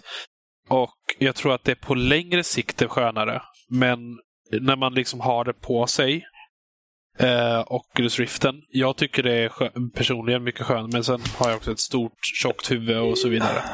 Jag känner att uh, det, det beror lite på liksom själva strappen på, på hjälmarna som gör den största skillnaden. För att jag tycker att den sitter bättre eh, Oculusen än vad PSVR. För jag, jag, jag får ofta justera PSVR-headsetet. Eh, ja, men så att, alltså för mig är liksom det som gör att jag fortfarande inte... Jag gillar Half-Life Alyx, men jag, jag, är fortfarande inte helt såld på VR som liksom eh, nästa typ eh, alltså en standard för spel bara för att jag gillar att vara bekväm när jag spelar. Och liksom, bara en sån sak, liksom, ifall det börjar klia lite på mitt ögonbryn eller min näsa så måste jag liksom stanna upp och typ få av hela hjälmen och klia och så liksom dröjer det fem minuter jag måste göra det igen. Och Men det, är, är liksom... coronatider, du ska ju inte klia på din näsa. Precis, jag tror, jag tror, jag tror det beror lite också på att jag, jag tror jag fick en liten allergisk reaktion mot någon av dina katter. Så att du liksom, näsan kliade, mina ögon kliade. Och liksom så, att, så, så vi har liksom Innan vi kom på att ah, du kanske ska sätta på dig skorna, där hade jag liksom spelat 5-6 timmar. Så jag hade ont i fötterna, jag hade ont i vaderna, jag hade ont i ryggen. Uh, jag var dyngsur av svett. Du gnällde och... som du vore gravid. Ja, och det liksom kliade på mig i ansiktet och liksom... Så att det är inte ett bekvämt spel att spela och särskilt då liksom i sektioner som när man blir beskjuten. Ursäkta. när man blir beskjuten och hamnar liksom i en firefight, att man liksom i princip måste ner på sina liksom knän för att ta skydd bakom en bil eller någonting. Och liksom, så att jag sitter liksom på sjuk och jag har skitdåliga knän så liksom när man reser sig igen så bara klickar det till. Och jag bara, ah fan jag känner mig som en 90-åring. Jag är helt slut. Och när man ska typ in i en liten typ ventilationstrumma liksom. Man, man typ sitter där som Gollum typ. Och bara, ah min rygg. Uh, det är definitivt ett av de mest obekväma spel jag någonsin spelat. Bara för att liksom det är så det spelas. Det, alltså, jag vet inte, det, det kanske hade gått liksom att spela typ sittandes. Ifall man verkligen ville. Jag tror Men... det går att ställa in att man eh, ska ordna sittande play area och så. Men eh, mm. jag har inte fixat det. Men bortsett från det, alltså det, de gör jävligt mycket coola grejer med, med tekniken. Liksom. Alltså de har tagit vara på det. Så jag stod ju liksom säkert en kvart bara typ i ett av de första rummen där där man kan ta sådana här eh, whiteboardpennor och, och, och rita på eh, fönsterrutan. Och jag gjorde typ åtta olika penisar i olika färger för första. Och sen började jag liksom Vad typ... oväntat. Ja. Och sen började jag liksom skriva mitt namn och jag bara, alltså när jag tittar, det där är min namnteckning liksom. Alltså det är min handstil. Att liksom, så naturligt kändes det för mig. Vilken av att, penisarna var det som var din namnteckning? Ja men det är liksom så här, du kan faktiskt skriva i spelet. Det är inte som när man liksom går till den här anslagstavlan Animal Crossing och bara så här får ritverktyget Nej. och ska försöka rita någonting med pennan. Och man var så här, ja, det är inte Ja, men det är optimalt. Även liksom typ när, när man får typ ett, eh, om det är liksom ett postbud som kommer och lämnar paket och man ska liksom signera på hans handdator med så här stylus och jag bara, alltså jag, jag kan inte skriva med den här på den här skärmen. Det är liksom, det, det är helt oigenkännligt liksom att det är min handstil. Medan här liksom, alltså på något vänster så fungerar det bara liksom att jag kunde göra min, min namnteckning i ett tv-spel. Eh, så för att summera det hela så har Half-Life Alex lärt dig att skriva. Ja, precis. Eh, Men jag måste, fråga, jag måste ändå bara fråga, hur spe, alltså hur, vilket rörelsemönster använder du i spelet? För att, för att det finns ju liksom, i VR du kan teleportera dig eller du kan liksom använda stickorna till att gå. V- vad är det ni använder här? eh, standard var eh, teleportering Ja. När man börjar spelet. Eller Adam? Det- De första inställningarna när man startar ett nytt game frågar och då är det shift som det är. Mm. Och då, Och då liksom, eh, då, typ, då får man en markör och så visar man liksom vart man vill hamna och så puff är man, är man där. Eh, Och jag, jag spelade så i kanske 12 minuter innan jag testade då, liksom continuous movement. Mm. Eh, och eh, de första liksom två minuterna med continuous movement, där man faktiskt använder liksom kontrollstickan eh, för att röra sig. Det kändes lite weird liksom. Alltså, och typ, särskilt när det var höjdskillnader. Så liksom, när jag typ hoppade ner från en avsats och jag föll. Typ, jag bara, usch, min hjärna liksom vill inte acceptera det riktigt. Men man vande sig ganska snabbt. Eh, så att jag körde continuous movement resten av spelet. Mm. Och, för, det, för det är eh, något som jag tycker är så himla tråkigt med VR. Alltså det funkar skitbra för den här typ så här ehm, Keep talking and nobody explodes. Här, när man liksom har så att här är VR, du sitter liksom i, i det här rummet. Då funkar det skitbra liksom. Men när jag typ körde när jag körde Skyrim till exempel. Och den Mm. liksom vill att man ska gå och liksom teleportera sig och så. så jag så att, det, alltså, det jag vill med VR det är liksom att jag ska kunna känna mig liksom helt Alltså jag ju bara kunna liksom. Ja precis, jag är i den här världen och jag känner mig inte i den här världen om jag liksom ska hålla på att peka så att nu pekar jag där och så whoop, nu är jag där. Det, det tar mig ut ur upplevelsen så att jag byter ju hela tiden till liksom att nej alltså även om jag måste röra stickorna så måste jag ändå kunna känna att det är jag som kontrollerar hur jag går och det måste, ta, det måste liksom få ta den tiden att liksom jag går igenom den här världen för att annars tycker jag det känns som ett jävla waste. Samma sak liksom Ja. inom en Sky bytte jag också direkt till att nej, jag måste få gå. Annars, Ja, annars nej, jag gillar inte liksom. heller liksom point and click eh, teleporteras. Alltså, det känns inte som att man är i spelet. Jag riktigt. tycker inte om det så hemskt mycket personer heller, men jag, det är ganska viktigt att ha som alternativ för många klarar Absolut. verkligen inte eh, just Precis. att gå. Och av den delen så förstår jag det, men det är det jag tycker är så synd med VR. Liksom att, liksom att jag känner mig mer som en naturlig del av världen när jag faktiskt får styra. Liksom att nej, men jag går och det tar den tiden att gå. Ja, absolut. Jag tror att en stor fördel med att Half-Life Alex är att man kan gå hyfsat lätt, för min del, är nog att man inte rör sig så extremt snabbt. Man sprintar inte genom spelet om man säger så. Men, Nej, man rör sig ganska långsamt. Ja, så eh, det gör det ganska överkomligt att man rör sig för många. För jag, jag brukar inte vara så känslig för VR-spel. Jag är ganska van nu också. Men jag vet ibland när man har spelat något spel där man rör sig fritt, då kan det bli så här liksom bara oh, nu, nu går det lite snabbt här, oj. Men det, det var ingenting jag direkt kände i Alex. Det enda är att det, det är jäkla svårt att, stå, att, att huka sig och röra sig continuous i eh, eh, Alex. För att när man börjar gå så försöker kroppen kompensera och när man typ man st- sitter som Gollum på golvet. Så blir det typ bara wow. Ja. Jag, jag börjar ju till slut liksom, alltså, inte stampa med fötterna, men du vet ungefär som att man går på plats. Du vet. Ja. Liksom, att jag, liksom att jag härmade spelets fotsteg. Eh, och det, var, det var både mer skonsamt för fötterna eh, och liksom det kändes mer naturligt plötsligt. Liksom, för mig kroppen accepterade illusionen på, på något sätt. Ehm, även om jag kände mig som, alltså jag bara tänkte liksom, undrar hur jag ser ut nu liksom. Alltså, om någon skulle gå in i det här rummet och kolla vad jag gör, liksom stå typ svart plastbit på huvudet och stå liksom och, Jag filmade tyvärr inte den delen. nej. Ehm, nej men alltså, så det, det, jag tycker det fungerade bra liksom. eh, Typ, eh, alltså jag kände mig aldrig liksom att åh, jag kommer spy. Jag vet, det fanns något uh, uh, rymdskeppsspel, jag kommer inte ihåg vad det heter, på PSVR. Eh, Det finns, det Skitsamma, finns väl man- ganska många rymdskeppsspel. I Valkyrie. I Valkyrie, ja. Precis. Och det blir jag jättequeasy av för att du liksom, du åker väldigt snabbt. Men då ska ändå flygspel vara bland de lättare just för att det, det här, när man sitter, ofta när man spelar ett spel eh, i VR så är det viktigt att horisonten håller sig rätt. För horisonten brukar ofta, det är det som typ känner av med vår balans. Så om vi säger att vi står och vi vet att vi står rakt men spelet säger att man står snett så blir det någon form av fel i huvudet.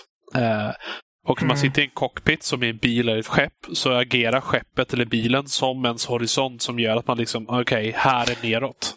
Jo, jag, jag tror att det handlar om, för mig, att det var liksom att man var i rymden och att man inte visste vad som var upp och ner och man liksom snurrar runt och man typ, Mm. eh, ja. Ehm, det absolut värsta uh, reaktionen jag någonsin haft på VR-spel var det här eh, VR Worlds, eller vad det heter. Eh, eh, The Heist, minispelet. Eh, man sitter typ i en bar eller någonting. Ja. Och någon snubbe kom in och snackade om ett bankjobb man ska göra. Och min kamera tappade plötsligt liksom synen antar jag på vart, vart jag var i rummet. Så att jag liksom åkte runt fram och tillbaka i det här liksom rummet. Alltså det var som att jag på en sekund gick från att må bra till att bara pff, jag kommer spy när som helst. Men det är också värt att nämna kvalitetsskillnaden mellan, låt oss säga Playstation VR Mm. och ett riktigt PC-headset är sku, extrem skulle jag säga. Eller vad tycker du? Jag håller med. För att eh, jag känner ofta i PSVR att liksom den tappar eh, synken om man ska säga. Så att den inte riktigt vet vart man är och spelet försöker reagera på det så att man liksom Världen förflyttas, gungar hackar ofta. runt typ. Ja, så att det bara, åh fy fan, jag kommer dö. Ja, fast det- Det händer inte en enda gång. Nej, men anledningen till det tror jag också mycket beror på eh, kameran till PSVR. Det, eh, för att det har jag också märkt att det som, det som stör ofta med PSVR det är ljus. Så att har, du- har du så att det är liksom solljus lyser in på kameran då kommer den tappa bort det. För det, det var, när jag testade No Man's Sky i VR också så var det så här att alltså, ju mer och mer jag spelar så liksom normalzonen liksom för headset var att jag fick liksom börja vrida mitt huvud. Så helt så att börjar jag så att jag tittar på tvn med liksom headsetet när jag, efter liksom en halvtimme och sektionen är slutat så är liksom normalläget att jag tittar helt till vänster. Och det, det liksom ändrades när jag drog ner mina mörkläggningsgardiner så att det är mörkt i rummet. Så att Ja. inte Ja, solljuset nej, kommer men-. Sådana problem hade, hade aldrig jag med, i alla fall inte med Jag har spelat Alex. PSVR två gånger. Och den ena gången var när jag spelade The Impatient, som för övrigt var fullkomligt gräsligt. Jag vet inte riktigt vad som hände då egentligen, men det blev något jättemärkligt med kontrollerna. Så vi fick liksom fäkta runt och söka oss både högt och lågt. Min kompis eh, Tobbe, han fick liksom sitta med ena handkontrollen typ under soffan nästan. För att kunna plocka upp någonting. Eh, Mm. Det var supermärkligt och sen så var det något jätteskumt med kameran vilket gjorde att vi spelade som en kvinnlig karaktär då. Eh, på det här mentalsjukhuset. Och helt plötsligt så var liksom kameravyn genom hennes tuttar i stort sett. Det var så konstigt. Eh, plus att fysiken var horribel. Typ man fick in en macka på en tallrik.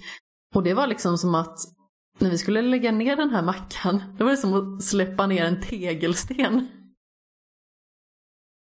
Men eh, nej, jag vet inte riktigt vad som hände i det spelet. Jag fick naturligtvis spela de sekvenserna som var läskiga. Och sen så var spelet ruskigt dåligt för övrigt. Så det kändes som en ganska så tråkig första upplevelse med PSVR. Vad, vad var det andra då? Det var ju Batman. Ah. Och det var ju en helt annan historia och där teleporterar man sig också. Vilket jag tyckte fungerade ändå väldigt bra. Alltså i The Impatient så styrde man ju liksom sig fram och tillbaka utan att teleportera sig. Och eh, jag mådde inte illa av det utan det var lite mer så här att det blir någon form av kortslutning i hjärnan. Bara.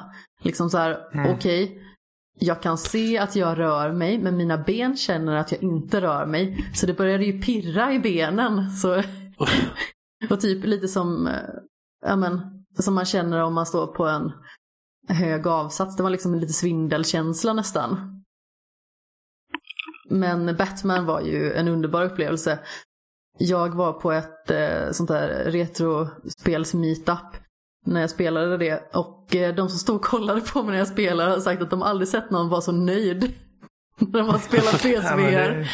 Det, är ganska coolt. Man liksom tar fram sina batarangs. Men Alltså jag stod typ och spenderade fem minuter ungefär med att bara kolla på mina händer. Jag bara så här. Batman. Mm. Jag tror att den, säm jag, den sämsta VR-upplevelsen jag haft än så länge, eller sämsta, det var ett- det är ett okej spel, men just det som var i, det var det verkligen fysiskt illa. Det var, ett- minns ni spelet Adrift? Mm. Ja, gud. Ja, jag spelade det i VR på mitt HTC Vive. Jag har haft tre olika VR-headsets. eh, så, ja. Och ehm, jag minns att jag flöt i, i, i en rymdstation där. Och min kropp roterade åt ett håll. Samtidigt som jag vred mitt huvud åt ett annat och så följde mina ögon ett föremål åt ett tredje håll. Och min hjärna bara, nej, nej, nej, nej. Det här ja, alltså, funkar det inte längre. Ju fan, det är ju desorienterande även utan VR. Ja. Fan. Jag, jag mådde Det- fruktansvärt illa och var tvungen att ta mig headsetet och så bara låg jag i sängen och blundade i flera timmar. Jag har inte kunnat starta det spelet sedan dess och det var typ två år sedan tror jag. Uh, fuck that. Ja, men, men, men det är lite typ som när man, alltså när man känner sig typ yr eller någonting sånt. Eh, Så ska man liksom lägga sig ner på sängen och sen bara sätta ner en fot på golvet så att man har någon liksom yta som bara säger att här är din fasta punkt. Ja. jag, jag, jag mådde så dåligt efter det spelet. Det hjälpte till mig. Jag kommer, alltså, enda gången jag, jag har druckit så mycket att jag blivit liksom helt out of my fucking mind. Bara helt fucked. Eh, jag kommer ihåg, alltså, jag kommer, all, jag kommer aldrig glömma det. För det, alltså, det är första gången jag har känt att hela världen snurrar omkring mig. Fastän att jag vet att jag sitter i en fåtölj och bara tittar upp. Jag försöker liksom Håll blicken fast på dörrkarmen. Och den liksom flyter iväg ändå. Och jag bara, hur är detta möjligt? Alltså det, det här är sjukt liksom. Jag, typ, jag håller mig i fåtöljen och fötterna på golvet. Jag bara, liksom. Fan, det är hemskt när man är så liksom, när man mår när man mår illa. Liksom. Mm. Alltså, eh, fruktansvärt. Mm. Men för att, eh, för att avsluta i alla fall mina tankar om... Jag, känner, jag känner mig lite kass för att de har knappt fått säga någonting. Men, eh, alltså det, det är jävligt... eh, det är en väldigt speciell upplevelse att se liksom en life-sized headcrab komma mot dig. Liksom den, de har aldrig sett grisigare ut än vad de gör i det här spelet. Eh, Jag tror du och Jimmy minns när jag var i, i röstsamtal med er samtidigt som jag spelade en sektion och jag skrek när jag var instängd i ett rum med två stycken. Ja, Alltså jag tycker ju headcrabs redan är äckliga i Half-Life 2. ja. Och tänk då liksom att alltså, de är minst fyra gånger så stora liksom eh, än vad man minns dem. För att liksom nu är de life-sized och de kommer mot dig. Och det är samma med när man ser typ eh, eh, alltså allting bara är så jävla mycket större. En sån här headcrab zombie är liksom en lumbering, bara levande grej som kommer emot dig och liksom bara åmar sig. Mm. Eh, och bara en sån här typ kom första gången jag liksom hittade ett lik. Liksom jag tog tag i hans huvud och liksom lyfte och typ vred på liket för att bara, åh, har du några typ nyttiga grejer på dig? Såg jag till bakfickan så låg det liksom ett pistolmagasin. Så liksom man bokstavligen liksom böjer sig ner för att liksom ta tag i armen på, en, på ett sargat lik. Och vrider på det liksom och bara, mm, finns det några Finns det några leksaker? Gud, jag, tänkte, jag tänkte vad så finns det några snälla barn? jag också!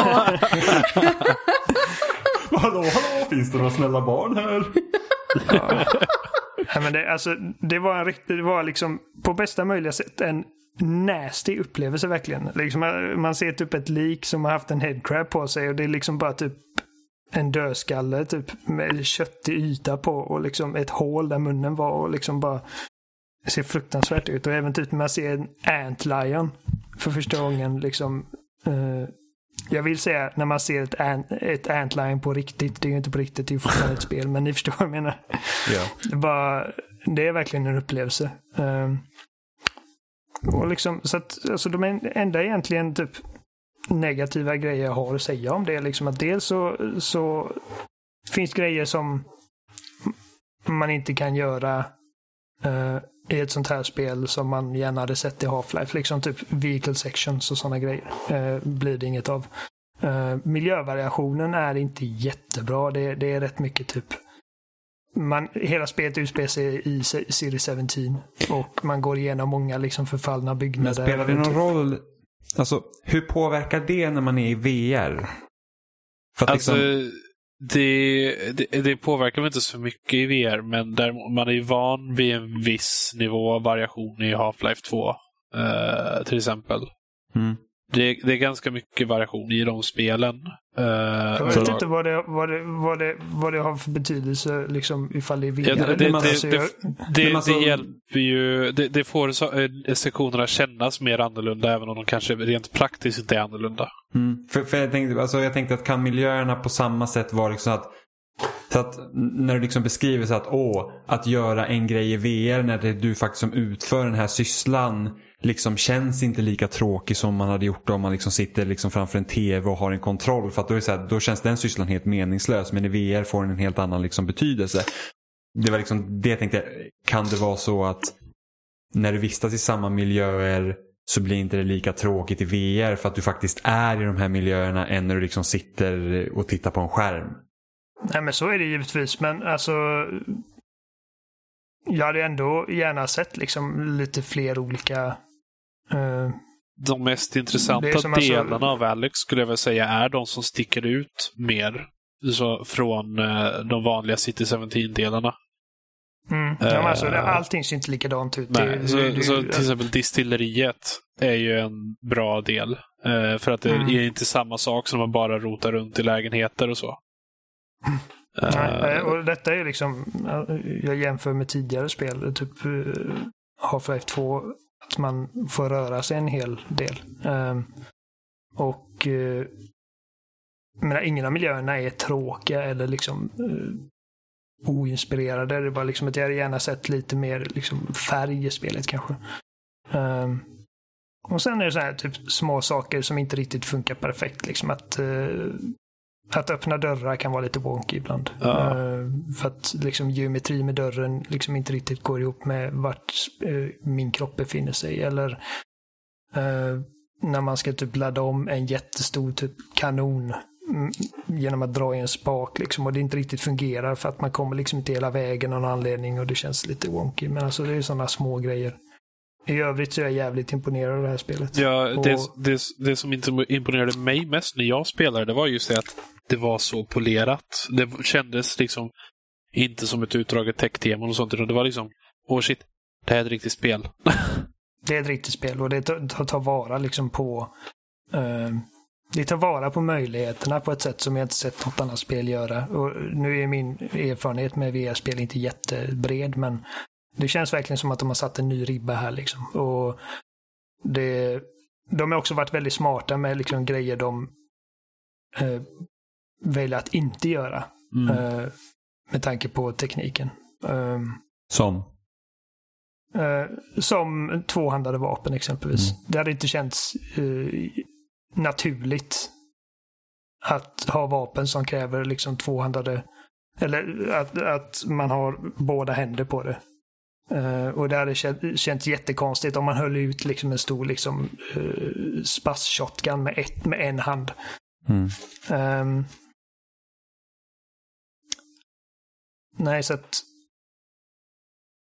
det, det, det, det känns inte alls som en teknikdemo. Det har liksom polish som, som man sällan ser sådana här spel tycker jag. Ja, och det, det, fort, det, känns ju fortfarande polerat som ett Valve-spel först och främst. Och det, det, är också det att det känns så skönt att spela ett spel som är märkbart ett Valve-spel efter så här lång tid. Mm. Ja, och det är så mycket fantasi också i liksom hur de har byggt upp den här världen. Som att liksom en health station som förut bara varit liksom en typ panel på väggen som man går fram, håller in X och så ser man en mätare liksom gå ner och så får man liv. Här är det liksom en stor grej. Man drar i en spak och så är det typ en liten glaskanister insatt i den här med en typ rymdlarv. Eh, och när man sätter handen på den här panelen så blir den här la larven mosad.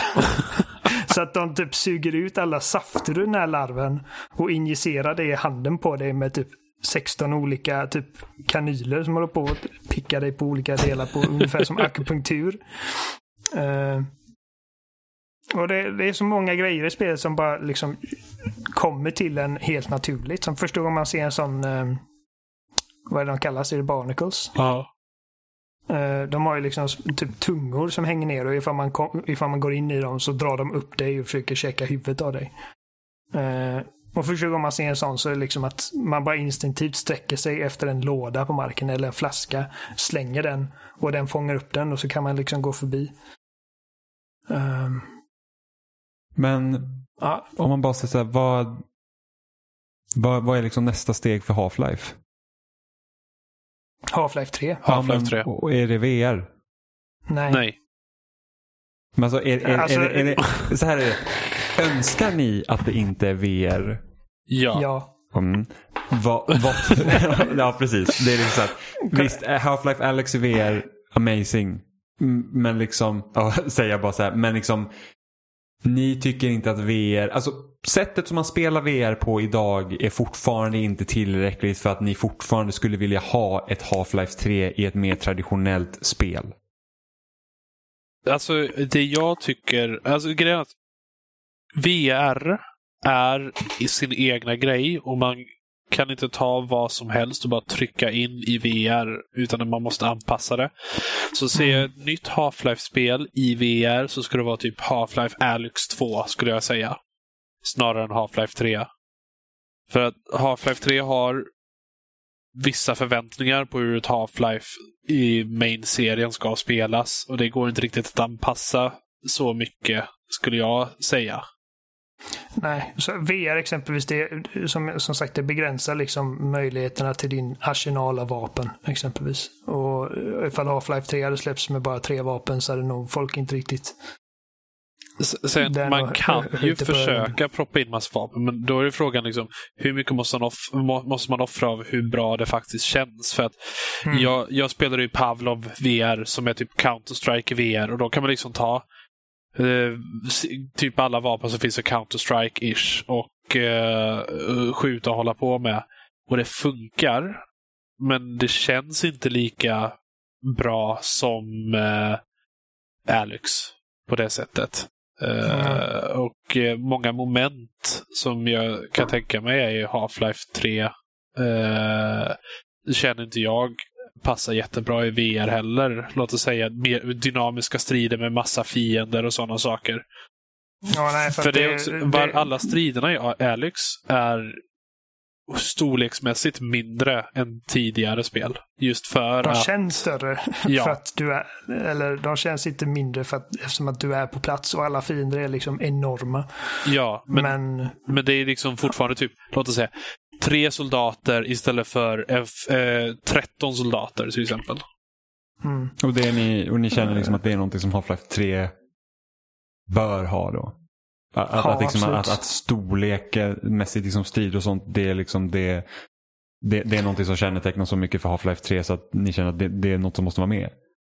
Half-Life Alyx är en nischprodukt. Ja. Och eh, det, jag känner att Half-Life 3 behöver liksom vara mer tillgängligt Om, till folk om som... det ska heta tre, tycker jag i alla fall. Alltså, jag tänker inte säga vad som händer i slutet av detta spelet, men det görs tydligt i alla fall att de inte liksom eh, Det- har glömt. eh, Men alltså, det här spelet i alla fall, det, det, det, det är inte, den är inte isolerad. På det Nej, nej, sättet, nej. utan det är liksom... Nej, nej, nej.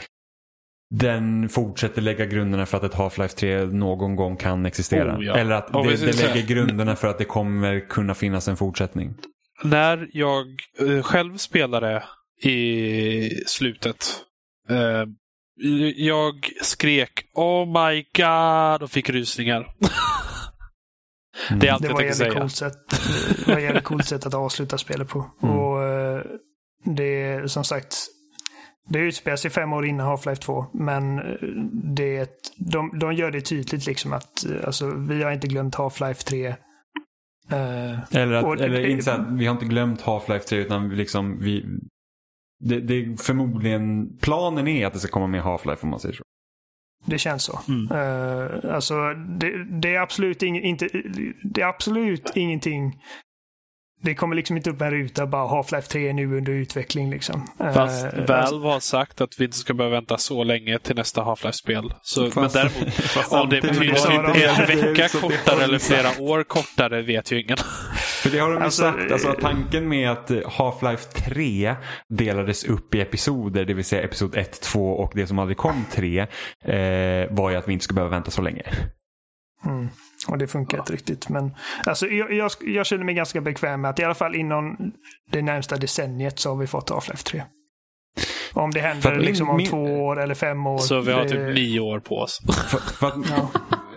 Alltså, Valve köpte ju upp Camposanto. Camposanto, anledningen till att vi inte har Valley of the God eller att vi inte har hört någonting om Valley of the God eller att Valley of the Gods är liksom lagt på is är på grund av att det som var Camposanto har hjälpt till med Half-Life Alyx. Eh, Min dröm är ju att Sean Vanneman som liksom då har varit huvudförfattare till Camposantos spel och även Walking Dead säsong 1 är det att han får huvudansvaret för att skriva ett Half-Life 3. Mm. Jag vet inte, vem är det som har skrivit Half-Life Alyx? Vet ni det? Nej. Jag har faktiskt inte kollat på det. Nej, för att jag vet ju alltså jag vet ju både Jake Rodkin och eh, Chris Remo som arbetat på eh, på Camposanto är ju de som har skrivit, eller inte skrivit, de har varit med och hjälpt till och utvecklingen på Half-Life Alyx. Någonting... Snabb googling står Jay Pinkerton, Sean Vanneman och Eric Walpole. Ja. Men någonting jag tyckte om, med, jag kan bara säga det om eftertexterna till spelet, är någonting jag säger att de, de har namnen på alla som gjort spelet, men de har inga särskilda roller. De särskiljer ingen så sett. Utan Ah, okej. det är liksom, Nej, här är bra de... bokstavsordning. Ja. Mm. Det, och jag tyckte det var ganska fint på något sätt. Mm. Nej men, men fast som sagt, jag hoppas ju att Sean Vanneman ska skriva ett Half-Life 3. Eh, för att jag, då när det kom den här läckan, eller ja, då när han som var med och skrev i alla fall Episod 2 eh, släppte ju liksom hans, eller ja, gjorde en, skrev om vissa roller och sånt, liksom släppte någon så konstig grej som det här är vad ja. Half-Life Episod 3 skulle ha varit. Och det är bara jag läste ju den för att det var så att man vet att det spelet kommer ju aldrig hända. Eh, var ju det att jag kommer ihåg hur det slutet var var ju verkligen så att fan vad jag hade velat se det. Alltså jag, jag är eh, mer sugen och mer hoppfull om ett Half-Life 3 än vad jag varit alltså, någonsin i princip. Och eh, jag eh, blev med det här spelet påmind om varför Valve är sådana ut, intressanta utvecklare, liksom så duktiga på vad de gör. Och det är också liksom de bara, fan har, har det gått så många år mellan... Alltså ni, ni är liksom fantastiska på vad ni gör. Mm. Eh, och eh, jag... Ja, Jag, bara, alltså, eh, jag är riktigt, eh, riktigt spänd inför framtiden nu. Det, och jag blir bara liksom, jag blir helt hispig när jag tänker på vad de kan göra med ett vanligt spel med Source 2. För att det här spelet är liksom snyggt som fan. Ansiktsanimationerna är så nice. Och Oh, Vortigons, Eh, de är så vackra. Vortigonsen, ja de är så snyggt animerade så det är löjligt. Vortigons, och, inte de här eh, jättefula aliensen. Ja. Ja, jag vet. Och De, är, alltså, de ser så jävla bra ut i det här Ja. spelet. Eh, De, de, på något sätt så har de lyckats få dem så uttrycksfulla att det nästan är löjligt. Ja. Mm. För liksom när Men jag tänker bara på en två- Vortagon då tänker jag på att det ser ut som så här riktigt dålig alien från typ 90-talet. Liksom. Men det, men är typ ett öga liksom och eh, Så- två huggtänder i princip. Ja, och sen har men det, men de, de, de har sån här, de, man kan se deras ansiktsuttryck och så har de de här två stycken hålen på sidorna av ansiktet. De twitchar och rör sig. Så har de tre små ögon ovanför det stora ögat och de också uttrycker sig. Och jag bara, oh my god, jag vill se ett helt spel med bara den här jäveln som pratar. Mm. Alltså, så att vad, vad de skulle kunna göra med den här tekniken eh, med liksom frigjort från den liksom kraft som krävs för att rendera ett spel i VR. Alltså det, det kan bli hur, hur häftigt som helst. Hur när Half-Life 2 släpptes 2004? Liksom den, den motorn var ju liksom något helt befängt imponerande. Eh, så att, ja nej, det... Jag är glad att jag kunde få spela det, för att det, det är liksom ett sånt spel som jag hade aldrig kunnat spela det själv. Men Och, så att, tack så mycket för Adam och eh, det var trevligt. Vi, vi, vi kollade på massa filmer också. Ja. Vi, jag har inte bara stått och spelat medan han har kollat på stackaren. Eh, och vi, vi, äntligen så fick vi klarat Resident Evil 2 för dig. ja, äntligen. Jag hjälpte honom med Mr X. För varje gång Mr X kommer så blir han helt eh, paralyserad. Så får jag liksom ta över Men alltså, men alltså, då måste jag ändå bara fråga så här. Inte för att jag spelar Half-Life Alyx. Ja. Men liksom, om du inte klarar av liksom Mr X i Resident Evil 2 på en platt tv. Hur klarar du ens att få möta headcrabs i, för att? Headcrabs är lätta att För döda. man, man kan skjuta dem. Mr Ja. X kommer där. Och så skjuter ju såklart Oliver av hatten på honom från Achievement så han går ännu snabbare. Jag bara nej! Ja, men, ja, shit. Som en äkta kompis. För att det är liksom, Ah. men det, för sig, det beror helt också på vad Jag är ju livrädd för spindlar. Alltså jag kan ju inte sitta i första person och spela Skyrim på en platt tv. Jag, jag För är att också jag rädd är- för spindlar. Ja. Men just, eh, jag vet inte, när, när man har en shotgun är allting mycket mer lätthanterligt. Ja, fast jag får ju fan en kall... Så fort jag ser en headcrab hoppa emot mig får jag en kall kår längs ryggraden. Vilket fick mig att. Alltså vilket fick mig att tänka på en sak. Tänk Alien Isolation i VR. Och de där De liksom hade ju- facehuggers hoppar på en. Men alltså, det, det, det, det är kul när du säger det. De hade ju ett demo innan Oculus Rift släpptes med Alien Isolation. Där det var fullt fungerande. Och har man Alien Isolation så kan man patcha och modifiera spelet lite så det fungerar i VR. Har du gjort det? Nej, jag är inte dum i huvudet. Nej, för att jag, alltså, så fort, så fort det jävla facehuggers, alltså jag tycker, alltså, va- varenda gång en facehugger hoppade på mig i Alien Isolation, jag var verkligen bara såhär, alltså åh gud, åh gud, åh gud. Alltså jag kan inte förstå hur äckligt jag tycker att det är. Alltså det är liksom, Men det, men det är ju fruktansvärt. De ser äckliga ut. Och liksom bara tanken på att de hoppar upp på ditt ansikte så att du inte kan andas och liksom stryper dig med sin svans och sen trycker ner en alltså rymdpenis i svalget på dig och gör dig gravid med en typ mördar... Alltså det är ju fruktansvärt. Men och den det, kontexten hade inte jag när jag spelade in Isolation. liksom, tack. men jag bara, head, äh, den, har, den, den ser lite ut som en spindel. Det är det enda som betyder något. Ja. men headcrabs, de kan ju också hoppa upp och sätta sig på en. Man, man kan ju slita av Ja, dem. Du lyckades ju få en som satte sig i ditt ansikte. Ja, jag fick den i ansiktet. Alltså de ser helt vidriga ut. Liksom, jag, jag, det första jag gjorde när jag dödade min första headcrab var liksom plocka upp den och kolla på den under. Liksom, och typ alla de tänderna den har på undersidan. Och, och typ även på toppen av den. Man ser liksom typ ådror och skit på. Alltså den, den ser helt vidrig ut. Vill du ha Mm. en headcrab plushie? Nej. Alltså, typ, alltså texturen på den, den ser liksom ut lite som typ en plockad kyckling nästan. Fast helt slät. Undrar om den är god? Eh, Ja, nej jag vet inte. Det... Och jag tänkte på det liksom när jag gick i de här typ lite mörkare korridorerna. Alltså hade detta varit ett skräckspel så hade jag varit helt liksom skräckslagen. Ja. Eh, Men eh, alltså Half-Life Alyx är inte ett läskigt spel så sätt. Ifall man inte är typ Alltså som Jimmy typ tycker allting med mer än två ben är skitäckligt. Med, det är faktiskt sant. Allt med mer än två ben är äckligt. Det är liksom, nej, fyra är okej. För att de flesta liksom, fina djuren har det. Men liksom, så fort någonting ens har, liksom, liknar en insekt, det, det är liksom, jag klarar inte av det. Och ändå är jag, liksom, jag är uppvuxen på landet. Samma här. Du, Men- du, vet- du vet i Indiana Jones 2, Det fördömdas tempel? Ja, Jag har inte sett Indiana Jones. Jag har bara sett eh, den som alla tycker är dålig. Åh oh, gud, Crystal. Skull. Ja, precis. Okej, det finns en scen i alla fall. Det är taket som sänks ner och ska döda Indiana Jones och Short Round. Och det finns en scen när eh, hon, eh, den skrikande kvinnan som är i den filmen, ska försöka släppa loss dem. Sträcka in handen och dra en spak. Och det är fullt av insekter i det hålet. Jag får hjärtklappning varenda gång jag ser Mm. den scenen. För jag hatar insekter. Det är kul också att du säger skrikande kvinnan för att jag kommer inte ihåg vad hon heter. Det enda hon gör är skrika hela filmen. Ja. Mm. Temple of Doom är inte bra heller. Jo. Den är bättre än eh, Kingdom of Crystal Skull, men den är inte bra. Ettan och trean är bäst. Två är bra. Voodoo bullshit. Nej, men Half-Life Alyx, tummen upp. Mm. Half-Life 3, Förhoppningsvis Det- på traditionell... Half-Life 3 förhoppningsvis på traditionellt sätt att spela.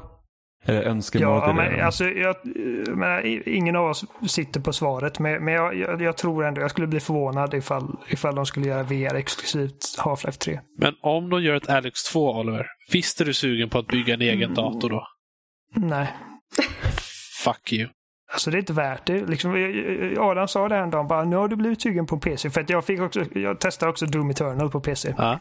Eh, och liksom alltså, eh, just det här att det är typ 250 eh, FPS, det, det gör mig inte så mycket. Jag ser inte större skillnad på 60 och 200 FPS. Men det är jävligt nice att, liksom, att kunna, eh, det är ju lättare att sikta. Liksom. Man gör headshot mycket lättare och det är eh, lättare att byta vapen snabbt. Uh, och jag fick spela eh, uh, GTA 5 med typ allting på Ultra och typ världens mest avancerade jävla inställningar och jag fick testa lite olika grejer. Och jag bara, det här är nice. Och så, och så sa du typ, han blir inte sugen på att skaffa en dator. Jag bara, nej. Och du bara, varför då? Jag bara, okej, men alltså, vi säger så här, liksom bara burken nu då. Hur mycket skulle jag behöva lägga för att kunna köra liksom moderna spel eh, tillförlitligt? Han bara, ah, 13 000. Jag bara, ja, sen har vi en monitor, liksom en bra skärm. Eh, ja, typ 3000. Ja, och sen så kom- tillkommer det liksom typ bra mus och tangentbord. Det blir kanske extra 2000 där ifall man är liksom givmild. Och sen så själva headsetet, vad är det? 5-6 tusen. Ah, det är ett headset för... för ja, du, alltså VR-headset menar du ja. Jag råkar tänka mera ljudheadset, bara, då är det nej, ambitiöst. nej. Men det, det tillkommer kommer ju också en tusen kanske. Och sen, och sen VR-hjälmen. 5-6 tusen och sen, eh, sen ska man liksom köpa alla spelen också. Så att, bara, nej. Mm. Ja, fast sen Alltså, tänker man så ska man ha typ ett Valve-index med allt det som hör till för att liksom kunna spela Half-Life Alyx. Det är ju nästan 10 000. Man behöver inte Nej, Valve man Index. behöver inte det. Men säg att man skulle vilja ha Valve-index så är det 10 000. med Ja, Precis. grejerna. 11 och För ett då kan man eh, peka fuck you till Combines. Men då får du i alla fall, då får du i alla fall Half-Life Alyx med. För det går med Ja. i Valve-index. va? Men Ja, du, du sålde mig. Mm. jag, Jag köper hem en dator nu med en gång. jag alltså- fick ju, jag fick ju äh, Half-Life Alyx gratis. Och jag fattade först inte varför. För jag undrade bara, vad har jag gjort för fel? Ehm, och så upptäckte jag att åh, det är för att jag en gång i tiden köpte Valves Steam-kontroll. För det var ett problem med Steam-kontrollen och Macbook äh, och Apple. För jag hade en Macbook back in the day också. Mm. Så de bara, åh, den här personen har haft Steam installerat på en Macbook och kan ha en Steam-kontroll. Då är en, en av de missnöjda människorna vi igenom alla våra Valve-spel. Ja, men det var ju bra. ja, så det tog ett bra tag innan jag fattade varför jag hade spelat gratis. Jag bara, vad har jag gjort? Jag, jag, är en så, jag har ju ändå en bra dator och har haft liksom Ja, den är väl, nu ska vi se hur gammal blir min dator i år. Den blir nog två, tre år tror jag. Tre, ja, tre år blir min dator i år. Eh, och jag hade ju liksom kunnat, säkert kunnat spela Half-Life Alyx på den utan problem, men jag behöver ju ett headset. Eh, men det är så här att nu nu när jag skulle liksom spela Gears Tactics på den. Och då var det så här att, ja, starta spelet, bara, nej, just det, uppdatera drivrutinerna. Och det är så att jag har ett Nvidia-kort och då är det så här att ja, men då har de någon sån här liksom hubb som gör så att den ska kunna fixa sånt till mig. Så in på den och ladda ner via den. Nej, det funkar inte. Av någon anledning. Och, så här. och då måste jag in på deras hemsida, hitta rätt drivrutiner. Och det är ju inte liksom svårt att veta liksom vad kortet heter och sånt. Och allt sånt har ju blivit jättelätt och sen installerar man det liksom, så funkar det. Men liksom bara det steget var så att det här är varför jag inte spelar på PC. Sen är det ju så här att spelar man ofta på PC då kanske man inte riktigt har de här problemen för att det går kanske inte ett år medan man liksom kollar drivrutinerna till sitt grafikkort. För att sist jag kollade mina drivrutiner var när jag spelade Anthem och, och recenserade det på PC. Så att eh, då är det en annan sak. Men liksom det är bara så skönt med konsol också. Även om jag har liksom en PC. För att man Ja. behöver inte kolla de här grejerna. Jag spelar ju mest på konsol, men jag älskar PC ändå. Mm. Det är Ja, skönt. Du har ju liksom det intresset också. Det har ju inte jag. På det Nej. sättet. Eller Jag, jag, jag, gillar teknik jag, men jag gillar också teknik som fungerar utan att jag behöver göra så mycket. jag uppgraderade min dator i princip. Jag intalade mig själv att det är för att jag behöver det. Men Nej, det gjorde jag inte alls. Det var bara för att jag ville bygga en ny dator. ja. Och anledningen till att jag uppgraderade till den datorn jag har nu var bara för att min dator var, det var lite som att här, göra ett coin flip varje gång man startar den om man typ behövde göra någon recovery-grej med Windows som aldrig fungerade ändå. så att, eh, ja. Men samtidigt, jag har använt min dator liksom till liksom mer avancerade grejer så lite så att den är ju i princip så ny även om den är tre år gammal. Och jag kunde Mm. liksom köra Gears Tactics på Ultra vilket gjorde så att allt hår, liksom, även om Gears Tactics är ett ganska snyggt spel så, så ser det ändå ut när man liksom tittar på håren lite närmare så ser det ändå ut som någon har tagit tag i en så här sprayflaska och så här, psh, psh. Du vet det här liksom, du vet den här om man går in på paint och så tar den här sprayflaskan där det liksom ser ut som att, ja men du vet, du vet man, man gör en cirkel Ja. Mm. och sen så tar man varannan pixel och då har man simulerat en sprayflaska. Lite så ser håren ut ibland liksom på Gears Tactics. Någon. Eh, på Ultra på min dator. Alltså det enda jag skulle kunna tänka mig att spela på PC det är ju liksom The Sims. Men det känns liksom inte riktigt ekonomiskt försvarbart att skaffa en dator för det. Men du kan ha en dålig dator också och spela The Sims. Ja fast det går ju så förbaskat långsamt. Jag har testat det och eh, mitt tålamod, eh, Ja, på din, på din bärbar då eller? ja det var ganska så länge sedan nu förvisso. Men eh, då gick det förvisso fortare på den bärbara jag hade då. I relation till den stationära som fortfarande stod på mitt rum. Men ja, jag vet inte. Jag får försöka att välja mig vid konsol istället. Tror jag. Sims på Jag vill uppgradera mitt grafikkort, segt. men de grafikkorten jag vill ha kostar typ 14-15 tusen. Mm. Så det lär dröja. Ja. Men jag tror att det var allt vi hade för den här veckan. Ja, Ja, jag ska gå Ja. och porka min Ja, fru. det, det, så... blev, det blev ett snabbt och rappt avsnitt som Oliver hade liksom beställt innan vi började. Nu sitter vi här typ två timmar senare ändå. Gud. Ja. Eh, Men, Ja, men, ta, nej, men tack så Jimmy. mycket för att du fick vara med Adam. ja, ja, För ja. att du fick vara med Adam. Det, Nej, Ja, men jag tyckte det var jättetrevligt. jag är också lite trött. Jimmy lät som en förälder som du skulle läxa upp Adam här. Ja, tack som fan Adam. Och nu tackar du för att och du fick vara med. här- Ja, säg tack Adam nu för att du hade privilegiet att få vara med i vår podd. Det är liksom så här, det är det enda rätta.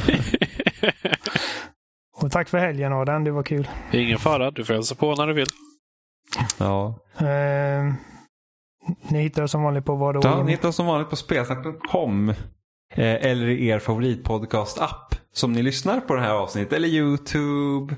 Eller loading om ni vill gå in där och kolla lite. Ja, Där skriver vi in i recensionen. och där skriver jag recensioner som på Gears. Och Amanda också. Men ingen annan. Nej. Nej. Var hittar man dig i vanliga fall Adam? Eh, ni hittar mig på Twitter, uh, adael90 och sen så är jag också skribent för GameReactor.se där jag ibland skriver recensioner som vissa vill läsa. Så ja, där finns jag. Recenserar du Half-Life Alex? Nej, det var... Vi körde nog en dansk recension där En tyvärr. dansk. Ja, det är inget att läsa de andra orden. Eh, så jag, jag spelade det för min egen skull och så skrev jag en blogg om det bara, typ vad jag tyckte. Ja, men då kan ni läsa det. Orkar vi skriva om något om det här spelet? Bara, Nej, vi tar den danske. Eh, Det, det var inte jättemånga som hade riktiga VR-headsets på redaktionen och ingen frågade mig. Nej. Nej, så kan det vara.